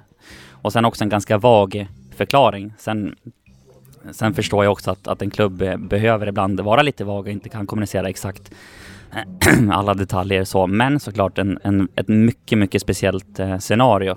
Och samma sak där. Jag, jag är lite så som person att, att jag vill ändå vara äkta och stå för någonting och jag var ju, jag kan bara se till det eh, jag vet och jag var ju med i omklädningsrummet under hela vårsäsongen. Vi spelade då in eh, dokumentärserien Road to Superettan som, eh, det var jag själv som var bakom kameran och, och var med laget så. Jag var ju med i omklädningsrummet före matcher, jag var med i omklädningsrummet under halvtid, jag var med i omklädningsrummet ehm, efter matcher. Jag var inte med i jättemånga träningar, men några träningar och jag kan ju återigen bara eh, uttala mig om det jag har sett och jag såg inte att han gjorde några övertramp. Det måste jag ändå vara ärlig och, och försvara honom i, i det läget. Och om man lyssnar på det här så hoppas jag att han känner att det finns en äkthet från min sida också, för han bjöd in mig där. Eh, så att, eh, jag märkte inte av eh, några sådana tendenser som det har pratats om. Eh, om det sen har hänt på, på träningar eller om det hänt i stängda möten, det, det må vara hänt, men jag såg ingenting, eh, ingenting av det. Nej spännande. Det, det där är ju verkligen jag hoppas någon skriver en bok om det här om tio år eller någonting så här, gräver upp någonting. För att det, det, det känns, det, det, är verkligen en, en, vad, brukar man vad brukar man prata om? Eh, ja, det finns något uttryck för det där. Här finns en hund begraven här. Jo, någonstans så Torane har ju än idag fortfarande inte gett en enda intervju eller uttalat sig överhuvudtaget kring, eh, kring den situationen. Jag kan tänka mig att det måste kännas Eh, speciellt för honom. Eh, tar över en klubb som har släppt in mycket mål, fokuserar mycket på försvarsspelet, börjar släppa in väldigt lite mål. Sen återigen, var det Toranes förtjänst eller var det Anton Fagerströms förtjänst? Går att diskutera. Kanske var en blandning. Eh, och sen så går laget upp. Någonstans hade han eh, högst sannolikt varit en superettatränare idag eh, om inte det här beskedet hade fattats. Samtidigt, eh, jag vet vilka människor som, som sitter i VSK. Jag litar på att de tar beslut utifrån VSKs eh, bästa styrelsen och, och de som är aktiva där. Men eh, frågan är om vi någonsin får veta exakt eh, allt som, som händer där. Ja, intressant. Det jag tänkte på nu var då för då kom Thomas Gabrielsson som tog över. Kom han träna VSK i eh, Superettan också? Eller? Stämmer, han har fått förlängt och eh, tillsammans då med eh, den assisterande som kom in tillsammans med honom som heter Joakim Gunnarsson. Så eh, det är den, eh, den tränarduon som, som VSK satsar på här nu till eh, comebacken då i, i Superettan. Så det blir ju en, eh, ska vi säga det, en, en färsk eh, eller lite doldis tränaruppsättning. samtidigt så Thomas Gabrielsson, eh, otroligt eh, skicklig fotbollstränare, framförallt taktiskt. Han är den som har lett alla träningar under de åren han har varit i VSK. jag vet också att, att Johan Meleby försökte, när han kom till Gävle, försökte värva med sig honom till Gävle. från? från VSK då, som assisterande. Ja, ja, ja, det var att, så. Att ta med sig honom. Så de två hade ju oh. ett bra samarbete där. Så att, jag önskar Thomas all lycka. Jag följde också honom då under den här dokumentärserien och väldigt, väldigt bra relation med honom. otroligt fin och varm eh, person som, eh, lite speciell story där, flyttade från eh, Schweiz. Eh, svenska föräldrar, bodde i Schweiz hela livet, flyttade från Schweiz till Västerås eh, för att få bli fotbollstränare då, eller utveckla sin tränarkarriär. Han hade haft klubbar i Schweiz då, på lite lägre nivå flytta hit, tränade VSKs U19 gratis bara för att komma in i klubben och sen då gjort resan till att idag vara huvudtränare i Superettan. Det är lite av en Askunge-saga där så man Mm. hoppas att sluta så väl som möjligt. Jäkla spännande. Det är en spännande tid överhuvudtaget i fotbollssverige. kommer ju fram massor med nya spelare, massor med nya tränare. Både på herr och damsidan. Det finns många damtränare faktiskt har jag också hört som, som inte, som är utbildade men som inte kommer in i herrfotbollen, som är väldigt duktiga men, men det är en annan story. Den får vi ta i något annat avsnitt. Ja, verkligen um, men Eliri Iliri Berisha måste vi också prata om, som, som har eh, Gävle-meriter och som var här ett år tror jag. Och jag gillar honom väldigt mycket, men fick inte riktigt förtroende. Han gjorde flera mål faktiskt, fick väldigt lite speltid. Eh, blev lagkapten förra året eh, också i VSK. Vad, har du att säga om honom? Stämmer. Ja, till att börja med bara lyfta upp det största. Vilken kille på offensiva fasta. Eh, som du nämner mål, alltså vilket hot. Han är som en anfallare. Eh, gjorde en hel del mål i VSK trots en del skadeproblem. Eh, stor ledarkaraktär. Eh, en riktig, en riktig härförare på planen, viktig också i omklädningsrummet. Tror att han absolut spelade en stor roll i att VSK gick upp och som jag koppla tillbaka till också det här med om klubbens största problem sportsligt över, över tid hade varit defensiva fasta, så även precis som Berisha då tillför offensiva fasta, han var nog också en del tillsammans med Fagerström då att det blev bättre på defensiva fasta. Så eh, det blev en, en mycket lyckad värvning. Han har ju också fått, trots en del skadeproblem, då, fått förlängt, vilket eh, visar hur viktig han är för klubben och också då hur viktig han är i omklädningsrummet. Och VSK är väl medvetna om att han kanske inte klarar av att rent fysiskt spela alla matcher den här säsongen. Har han problem med knäna eller vad är det som... Ja, det är, det är det som är ute också. Att jag hoppas att Illir, om han, han lyssnar på det här, inte tycker att vi pratar för mycket om det. Det är väl ingen spelare som, som gillar att, att plocka upp det. Men någonstans är det, det är ju ute så att Mm. han, eh, han får ju jobba med, eh, med de bitarna då. Landslagsman i något land. Vilket land är det? Albanien, om Albanien. jag inte eh, säger helt fel här nu. Nej, det stämmer nog. Det ringer några klockor där. Bra, Eli Berisha. då. Hur många matcher spelar han från start, tror du? Det är en sån där fråga när VSK säger att jag är expert som jag borde kunna eh, Ja, på mellan tummen och pekfinger, tror du? Eh, Kan det varit, eh, han kom ju tillbaka under, under hösten i alla fall. Eh, det här önskar jag att jag faktiskt hade ett bättre svar på. 15 Eh, matcher. säg någonstans hälften. Ja. Mm.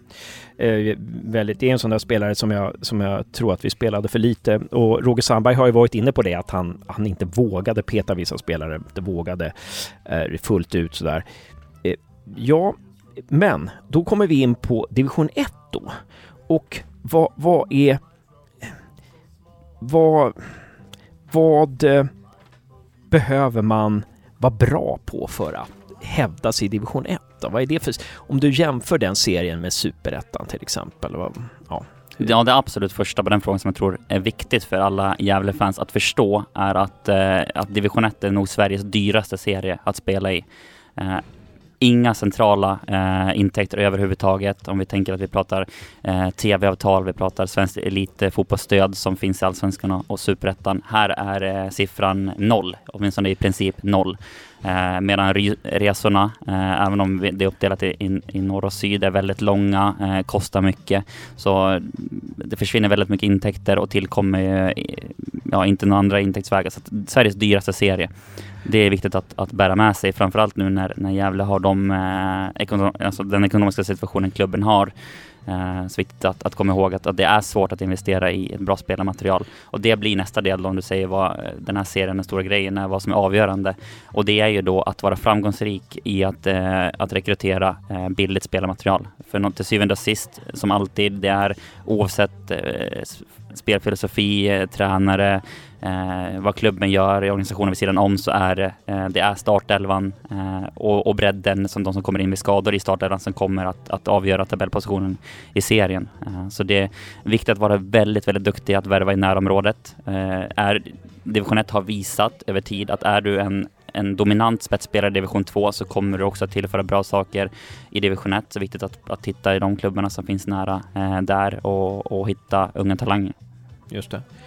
Så att eh, dyr serie att spela i så att eh, få in en buss, ett bussbolag som sponsor är inte helt fel Nej, alltså. det vore ju, om inte det redan finns så, Så- så, så vore det. det verkligen eh, suveränt. det, det vore ganska bra.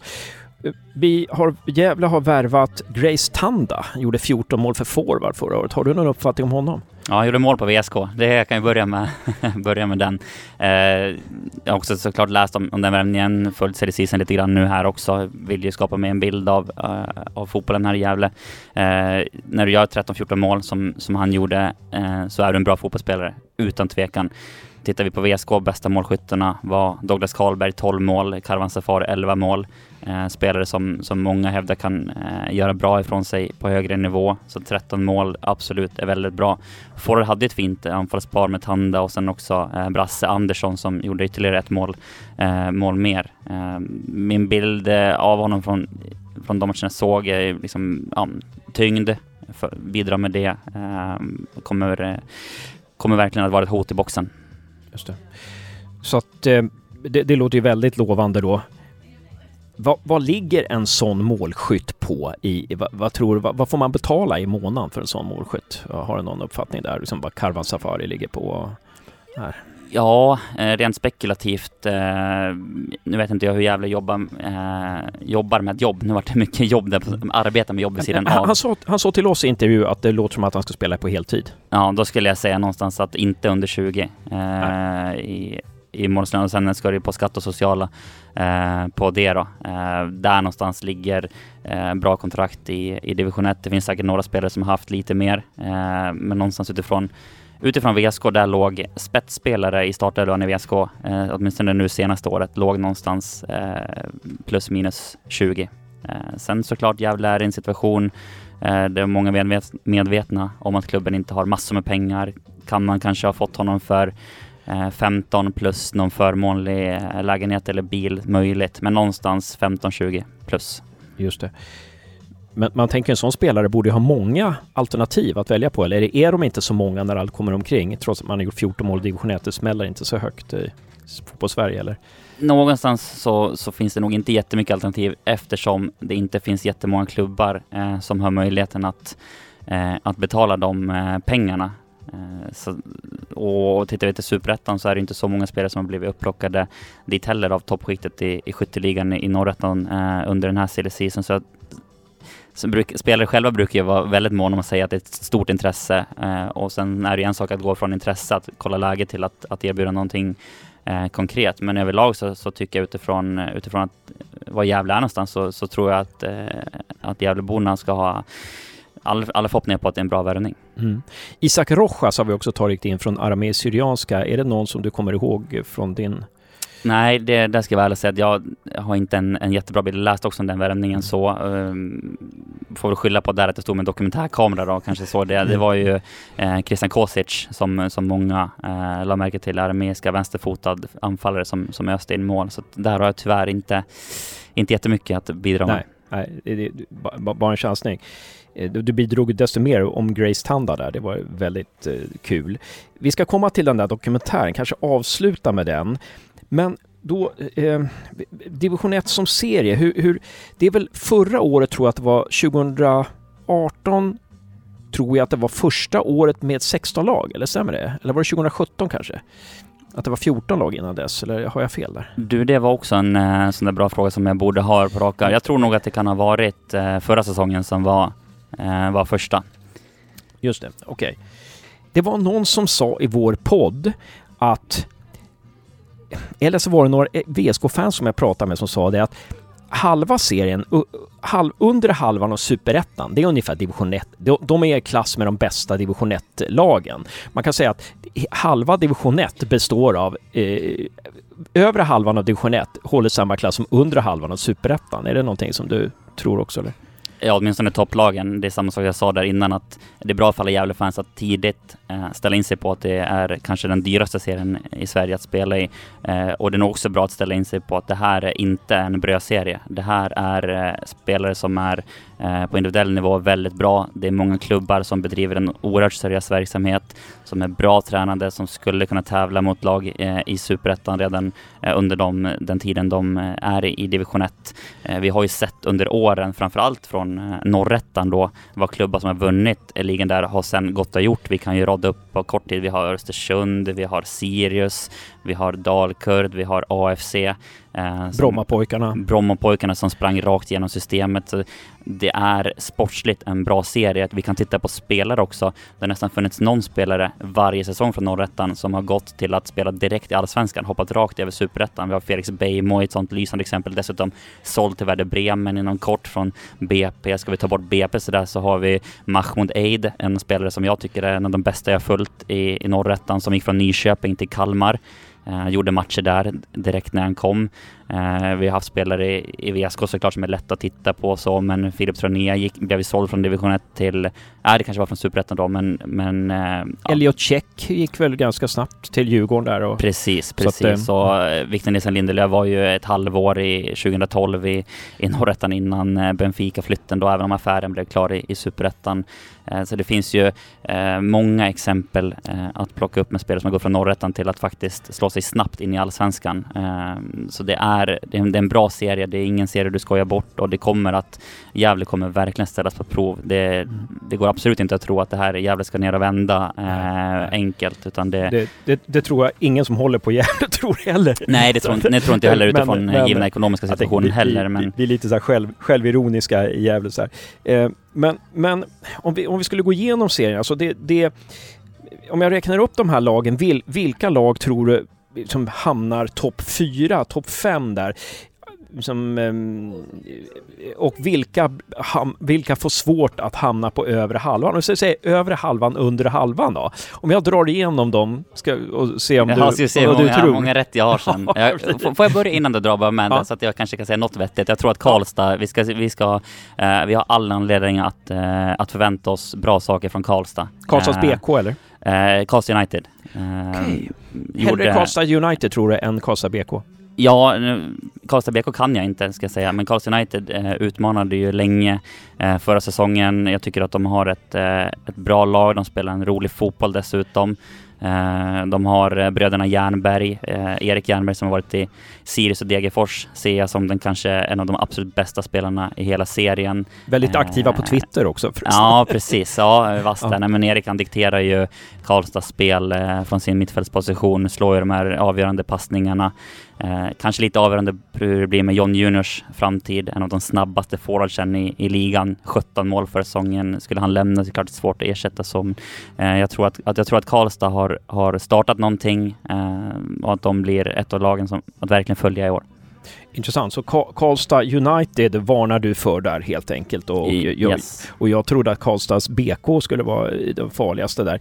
Det, var- det var ju spännande. Så att det, är- det är din favorit till seriesegern. Ja, det är Mm. där. Sen ska jag och säga också nu nu är det ett halvår sedan jag, jag följde eh, serien arbetsmässigt så att jag har inte följt silly season så noga som jag gjort Nej. tidigare men utifrån det jag såg förra säsongen eh, och jag tycker mig ändå ha, ha följt just deras eh, silly season hyggligt så, så Mm. jag tror absolut att vi kan vänta oss bra saker. Ja. därifrån. Jättebra. Men då, då, jag- räknar Nu kan upp- du få köra.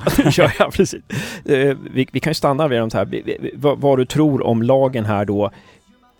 Akropolis IF. Ja, topplag. Eh, har varit över tid. Eh, duktiga på att hitta eh, de här spelarna från Stockholmsområdet som eh, jag tycker att de har en, en hög eh, lägstanivå individuellt i, i sina lag. De har sällan spelare som faller ur ramen. Eh, är min bild av dem. Ja, det. det var ju sex poäng från kval och hade en väldigt bra målskillnad. Eh, 23 plus i målskillnad också senaste.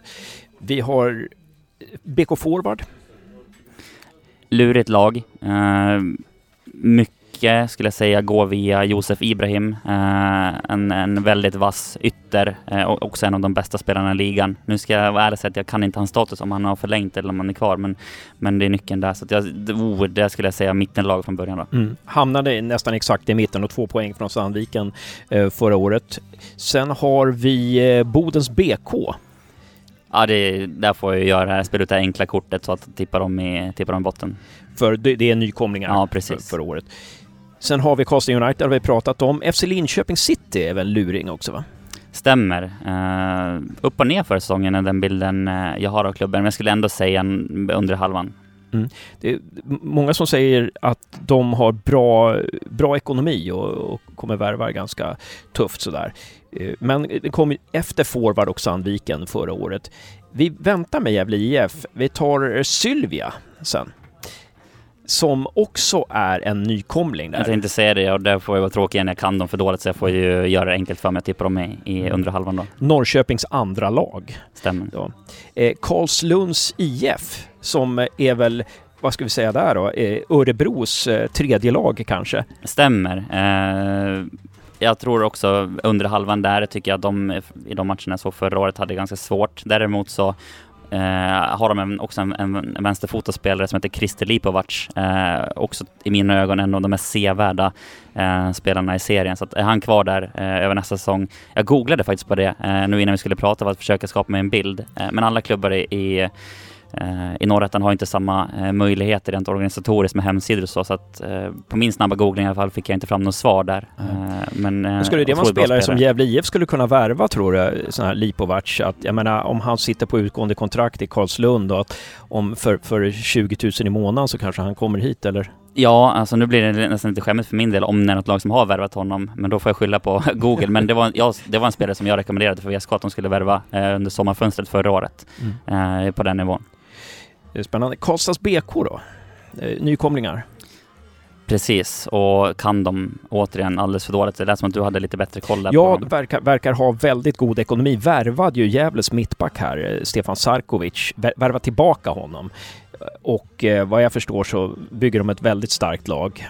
Kanske vi ska ha, ha alla anledningar att, att ha dem på övre halvan då, för det, så är det i den här serien. Eh, med en bra ekonomi så, så kommer du ha möjlighet att värva bra spelare, så definitivt. Man kan ju tänka att fotbollsintresset i Karlstad går upp några, går upp några grader. Ja, men verkligen. Det kan ju bli en otroligt eh, rolig derbymatch där. Eh, som sagt, United är starka sedan tidigare. Kan BK då komma upp som nykomling också skapa sig en position i serien. Så, ja, och det är roligt. De här publikmatcherna som vi pratade om tidigt i, i snacket nu, det är de, de vi vill åt. Precis. Och Nyköpingsbissarna. Också ett, eh, ett, ett lurigt lag. Tar ofta fram bra individuella spelare. Hittar ofta de här värvningarna som kan gå vidare uppåt i systemet. Eh, vissa säsonger känns det som att det är ett givet topplag. Hade de det struligare förra året, framförallt våren, eh, gick ju väldigt, eh, väldigt snett. Eh, tror ändå någonstans att de kommer eh, studsa tillbaka. Det verkar finnas en hygglig, eh, en hygglig ekonomisk grund eh, där. Så jag skulle säga i alla fall mitten eller uppåt. Vi, eh, vi intervjuade gamle GIF-spelaren Swad Groda som inte fick så många chanser under Pelle, Pelle Olsson. Jag vet inte om du lyssnar på den podden, men eh, han, han skämdes ju över sin tid. Han var ju 20 år eller någonting i, i, när han var i Gävle IF och han, han, ja, han, var förbannad att han inte fick starta. Han tyckte att han var eh, bra. Ja, det är ju en Nog. riktig artist dessutom på Twitter. Han skulle ju kunna bli talesperson för hela division 1, eh, division 1-fotbollen. Det han är ju eh, underbar att eh, följa där. Han skulle vara kommunikationschef för ettan För fotboll. ettan fotboll, ja utan tvekan. Det, han hade gjort ett eh, lysande jobb där, det skulle Ja. jag vilja säga. Hur är han på plan då? Ja, det är kanske svår eller fel person att bedöma honom också, men det är klart att det är en, eh, det är en mittfältare som, eh, som stämplar in ordentligt på jobbet så. Eh, viktig spelare för Nyköping som definitivt hör, hör hemma i startelva och, och gör skillnad för dem. Mm. Kreativ mittfältare eller, liksom, eller är han en, en som en, en terrier där? Jag vågar, väl inte, jag vågar väl inte säga något annat. Jag får säga att det är en, eh, att det är en artist där på, eh, från mittcirkeln som utgår därifrån. får han väl beskriva sig själv på Twitter sen. Ja, just det. Eh, och, eh, ska vi se, eh, då kommer vi till Rynninge IK, som är också en Örebroklubb, kan man säga. Stämmer. Eh, Örebro har ju som sagt eh, tre lag eh, i norrättan med, med Rynninge, forward och, Karlslund. Rynninge, någonstans är det ologiskt att du ska kunna hitta 33 stycken bra startelva-spelare i, i samma stad. Så jag tror, att, jag tror att Rynninge också får det svårt. Det som jag förstått på, på dem förra säsongen, det sa de själva i en intervju. Eh, de pressade ju VSK där och sa att vi är som ett kompisgäng, om vi kan pressa VSK så har de ingenting i Superettan att göra. En liten sån klassisk eh, intervju från förra säsongen. Så jag, de, är- logiskt sett så borde de få det svårt. Klarade kval med två poängs marginal. Vi ska säga att Nyköpingsbissarna slutar strax under mitten där eh, och klarade kval med eh, tre poäng bara. Eh, Det var ju eh, Karlslund som kvalade sig kvar förra året. Vi kommer då till Sandviken. Topplag, garanterat. Mm. Vad bygger du det på? Jag har ju hört en del eh, från spelare, eh, bland annat Oliver Ekroth eh, lärde jag känna under hans tid eh, i Västerås. Eh, bra saker att, att säga om klubben. Marcus Hägg känner jag också från, eh, han är kvar nu, från sin tid i Västerås också. Bra saker att säga om, om den verksamheten som Sandviken bedriver. Jag hoppas att det är okej okay för alla Gävle-fans att säga så nu, för jag kommer, till en, kommer komma till en poäng där jag ändå tycker att det, det är roligt alltså om, om Gävlefansen ska hitta någon ljusglimt den här säsongen så är det väl ändå att ha rivaliteten där mot, eh, mot en klubb i, väldigt nära i, i regionen då. Men, men som jag förstått Sandviken, de, de kan också betala bra löner eh, och därigenom också då eh, attrahera bra spelare. Så att det är en klubb som både ekonomiskt och sportsligt är på väg uppåt och de sakerna går ju hand i hand. Så det här är också en klubb som jag tror kan utmana om seriesegern. Intressant. Hade en väldigt stark höst också förra året. Rusade, mm. ju, rusade ju fram där. Men hade lite svårt mot topplagen tyckte jag. Alltså det var, ja, de slog kanske Syrianska sådär men hade svårt mot VSK och eh, ja, Karlstad och sådär ändå. Mm. Men, eh. jag kommer ihåg den bortamatchen där när, eh, när VSK var där och spelade. Då hade ändå Sandviken, de hade ändå en hel del frågor till VSK den matchen. Eh, de var ändå med spelmässigt skulle, skulle jag vilja säga. Eh, men det är ju ett sånt, ofta ett sånt steg. Det som man kommer ihåg den säsongen när VSK slutade trea så fanns det också statistik där på att, att VSK knappt vann några matcher alls mot topp 5-lagen. Eh, att de anfallarna inte gjorde så mycket mål mot topp 5-lagen. Så det, är någon, det där är ett steg som en seriesegrare måste ta sig förbi och Sandviken kanske inte hade det då. Om du har den analysen från förra säsongen så kanske i år de ska försöka eh, ta det steget. Just det. Och eh, några, två topplag, de två topplagen är ju borta också. Precis. Från, från förra året. Sollentuna FF.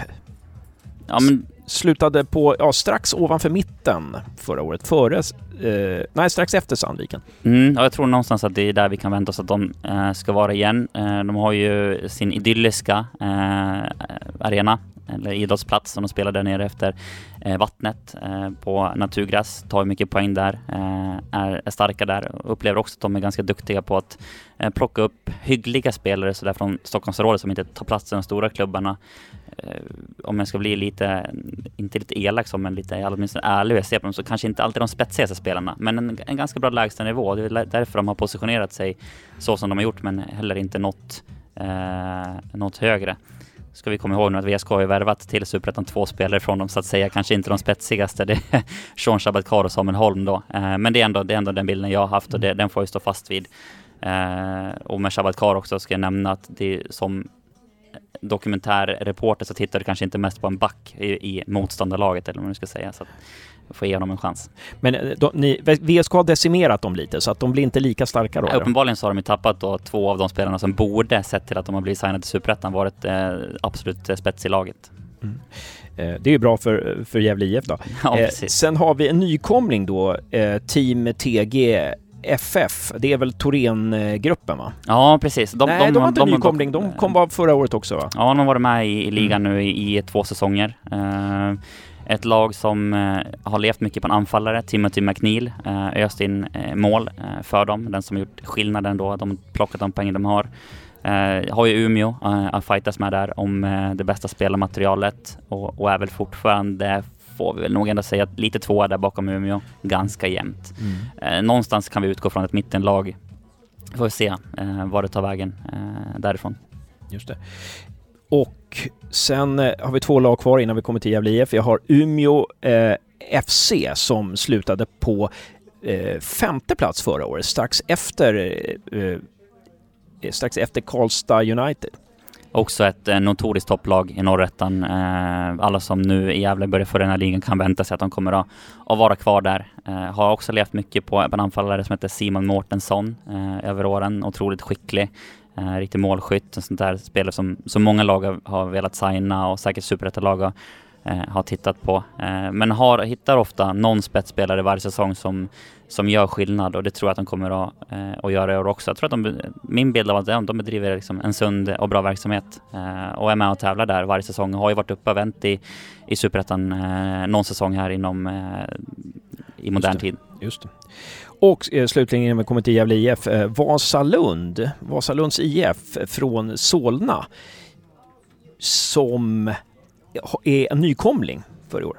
Mm, um hade ju ett speciellt läge där de ena säsongen kvalade till Superettan för att nästa uh, åka ur. Eh, uh, det var den, den skillnaden, raset eh, som klubben gjorde och det är samma där, jag har inte den kollen på vad de har värvat eller inte. Det blir ibland så, så har de ett samarbete med AIK så kommer det in någon, någon bra spelare där som, som gör skillnad. Eh, nu minns jag inte namnet här eh, på rak arm, men jag kommer ihåg någon match någon säsong, det måste vara två säsonger, där de åkte ur och då hade de ett lån, en vänstermittfältare som vände upp och ner på VSK fullständigt.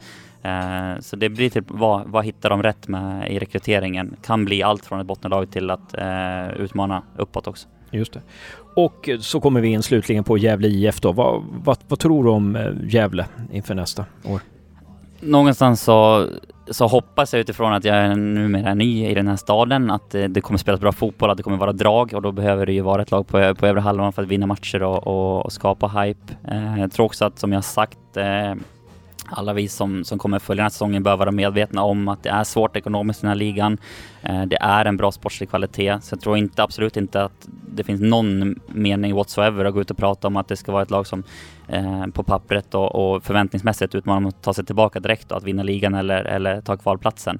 Utan en sund eh, målsättning nu år ett utifrån eh, ekonomin också då är väl att, att sikta på att vara topp eh, eller ett lag på övre halvan och, och börja arbeta därifrån. Eh, samma sak där kan inte de unga spelarna tillräckligt bra för att ha den bedömningen men eh, jag vill ändå falla tillbaka på sitta något positivt också att det är ju ligans och kommer vara ligans eh, storklubb. Kommer sannolikt eh, att vara ett av de bästa publiklagen och det kommer ändå vara liksom ett, ett lag som för med sig eh, respekt. Och, och till syvende och sist så, så, kan det också någonstans ändå generera en, en, en grund att stå på. Eh, samtidigt så att lagen blir lite, lite, lagen som Gävle möter är lite försiktigare mot Gävle då eller? Ja men det, det skulle kunna vara så. Samtidigt så kommer jag ihåg en, en höst, eller en vårsäsong 20, nu ska jag säga rätt, säsongerna går ihop i varandra, men våren 2015 så hade VSK bara åtta poäng eh, på hela vårsäsongen.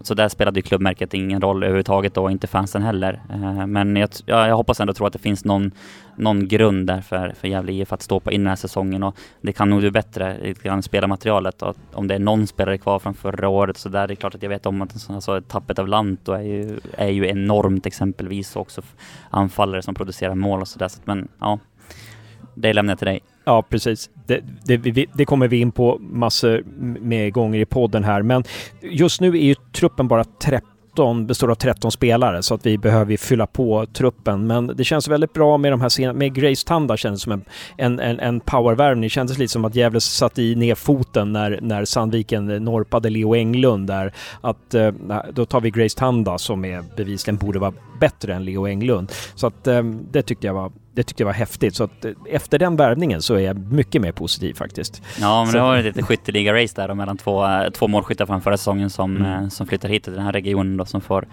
tävla med varandra. Ja, precis. precis. Vad säger du om Leo Englund?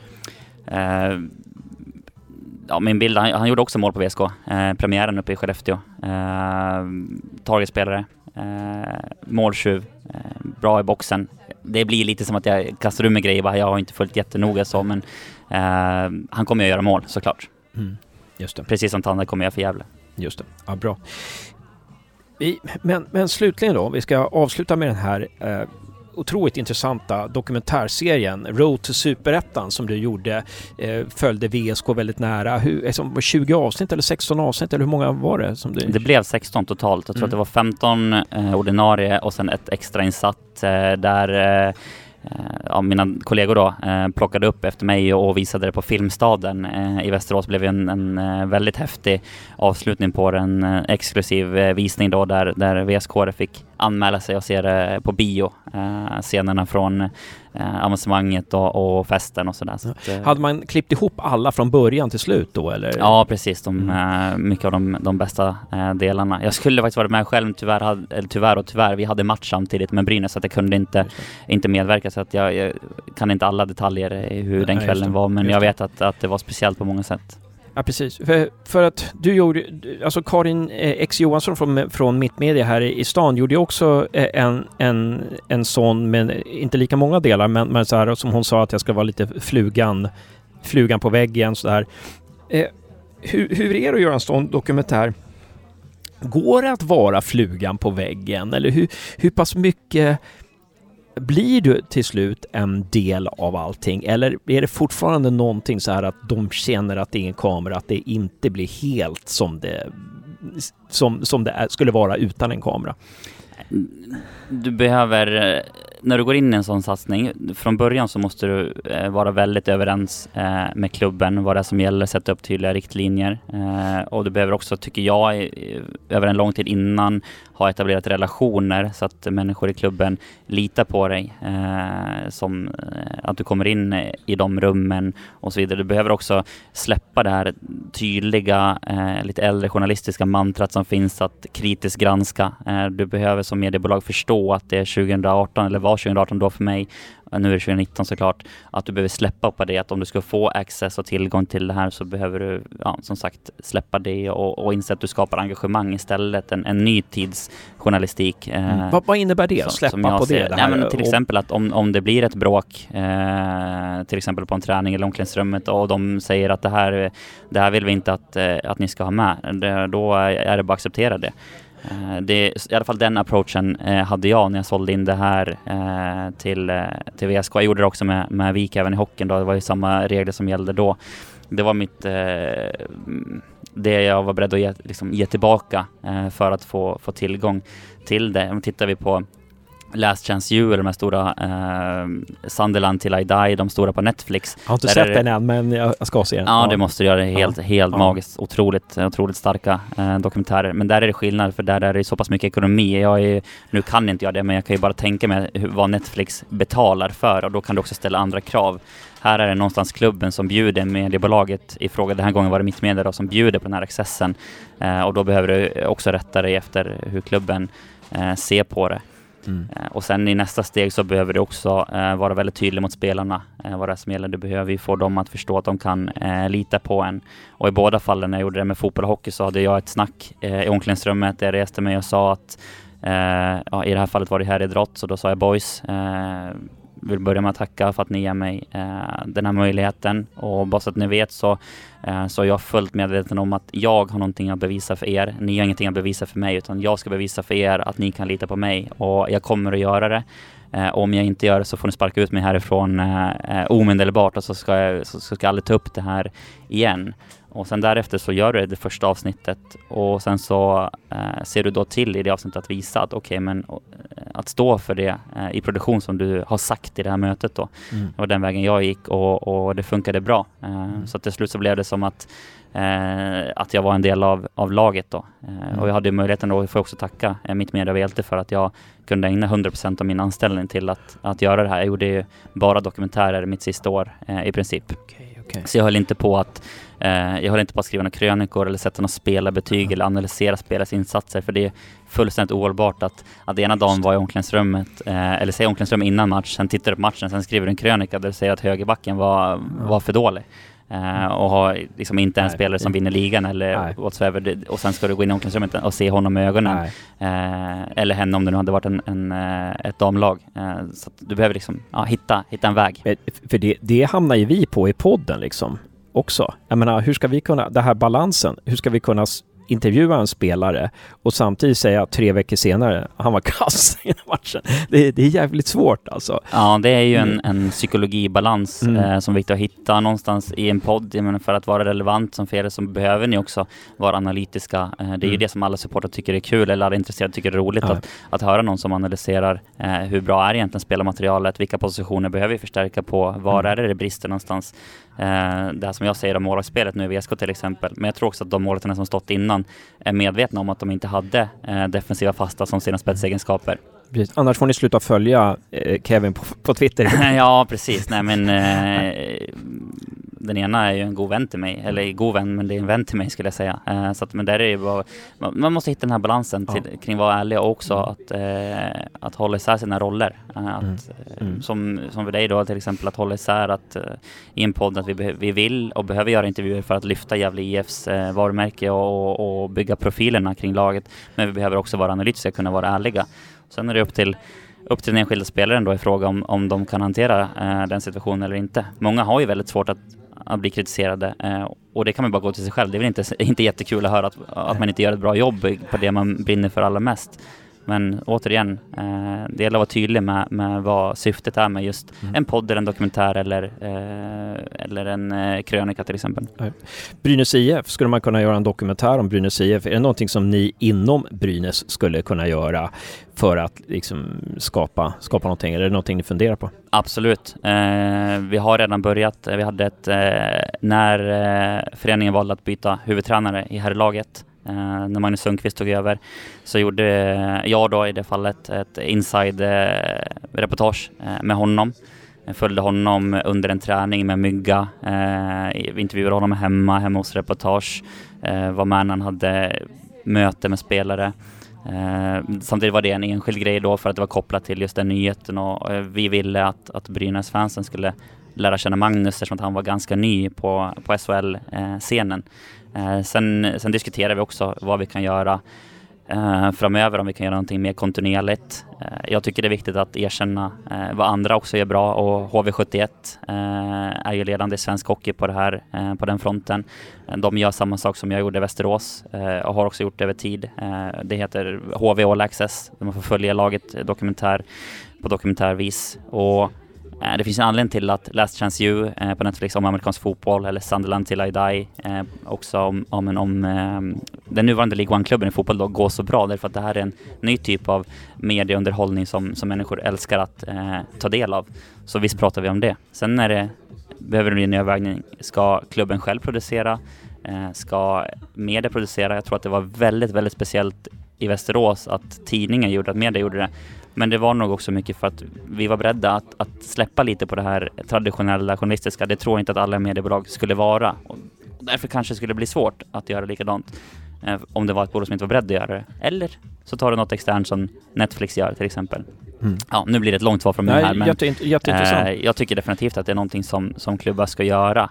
Och eh, om vi kopplar det till Gävle IF, testade lite grann förra säsongen som jag förstod. Eh, varken Gävle IF eller Gefle Dagblad gick all in. Eh, och jag tror att det kanske inte är den bästa vägen att gå. Jag tror att antingen så går, eh, så går man all in eller så gör man det inte alls. Eh, det är min syn på det. För att ska det vara så måste det vara från den absoluta insidan för att fansen, och jag kopplar bort det där med fansen för att intressenter och allmänheten ska, ska vilja eh, ta del av det. Och när man, som i nuläget, som Gävle IF är i division 1 så finns det ju inga resurser till det eh, inom klubbens egen organisation om det inte finns extrema ideella krafter, vilket i så fall är det bara att jubla och tacka till eh, skyarna. Så. Men då kanske finns, eh, där kan ju då en klubb eh, vända sig till media och, och, och hitta en väg att jobba tillsammans där. Så man måste ju hela tiden analysera utifrån var är vi idag, vilka resurser har vi, hur når vi fram? Jättebra. Suveränt roligt att prata med dig Kevin Johansson. Vi måste ju avsluta med Brynäs har två raka torsk eh, och eh, gör, väldigt, gör minst antal mål i SHL. Eh, finns det hopp? Självklart finns det hopp, det är bara att stoppa in mig i powerplay så ska vi lösa det där. Inga problem. Stoppa in dig som puck.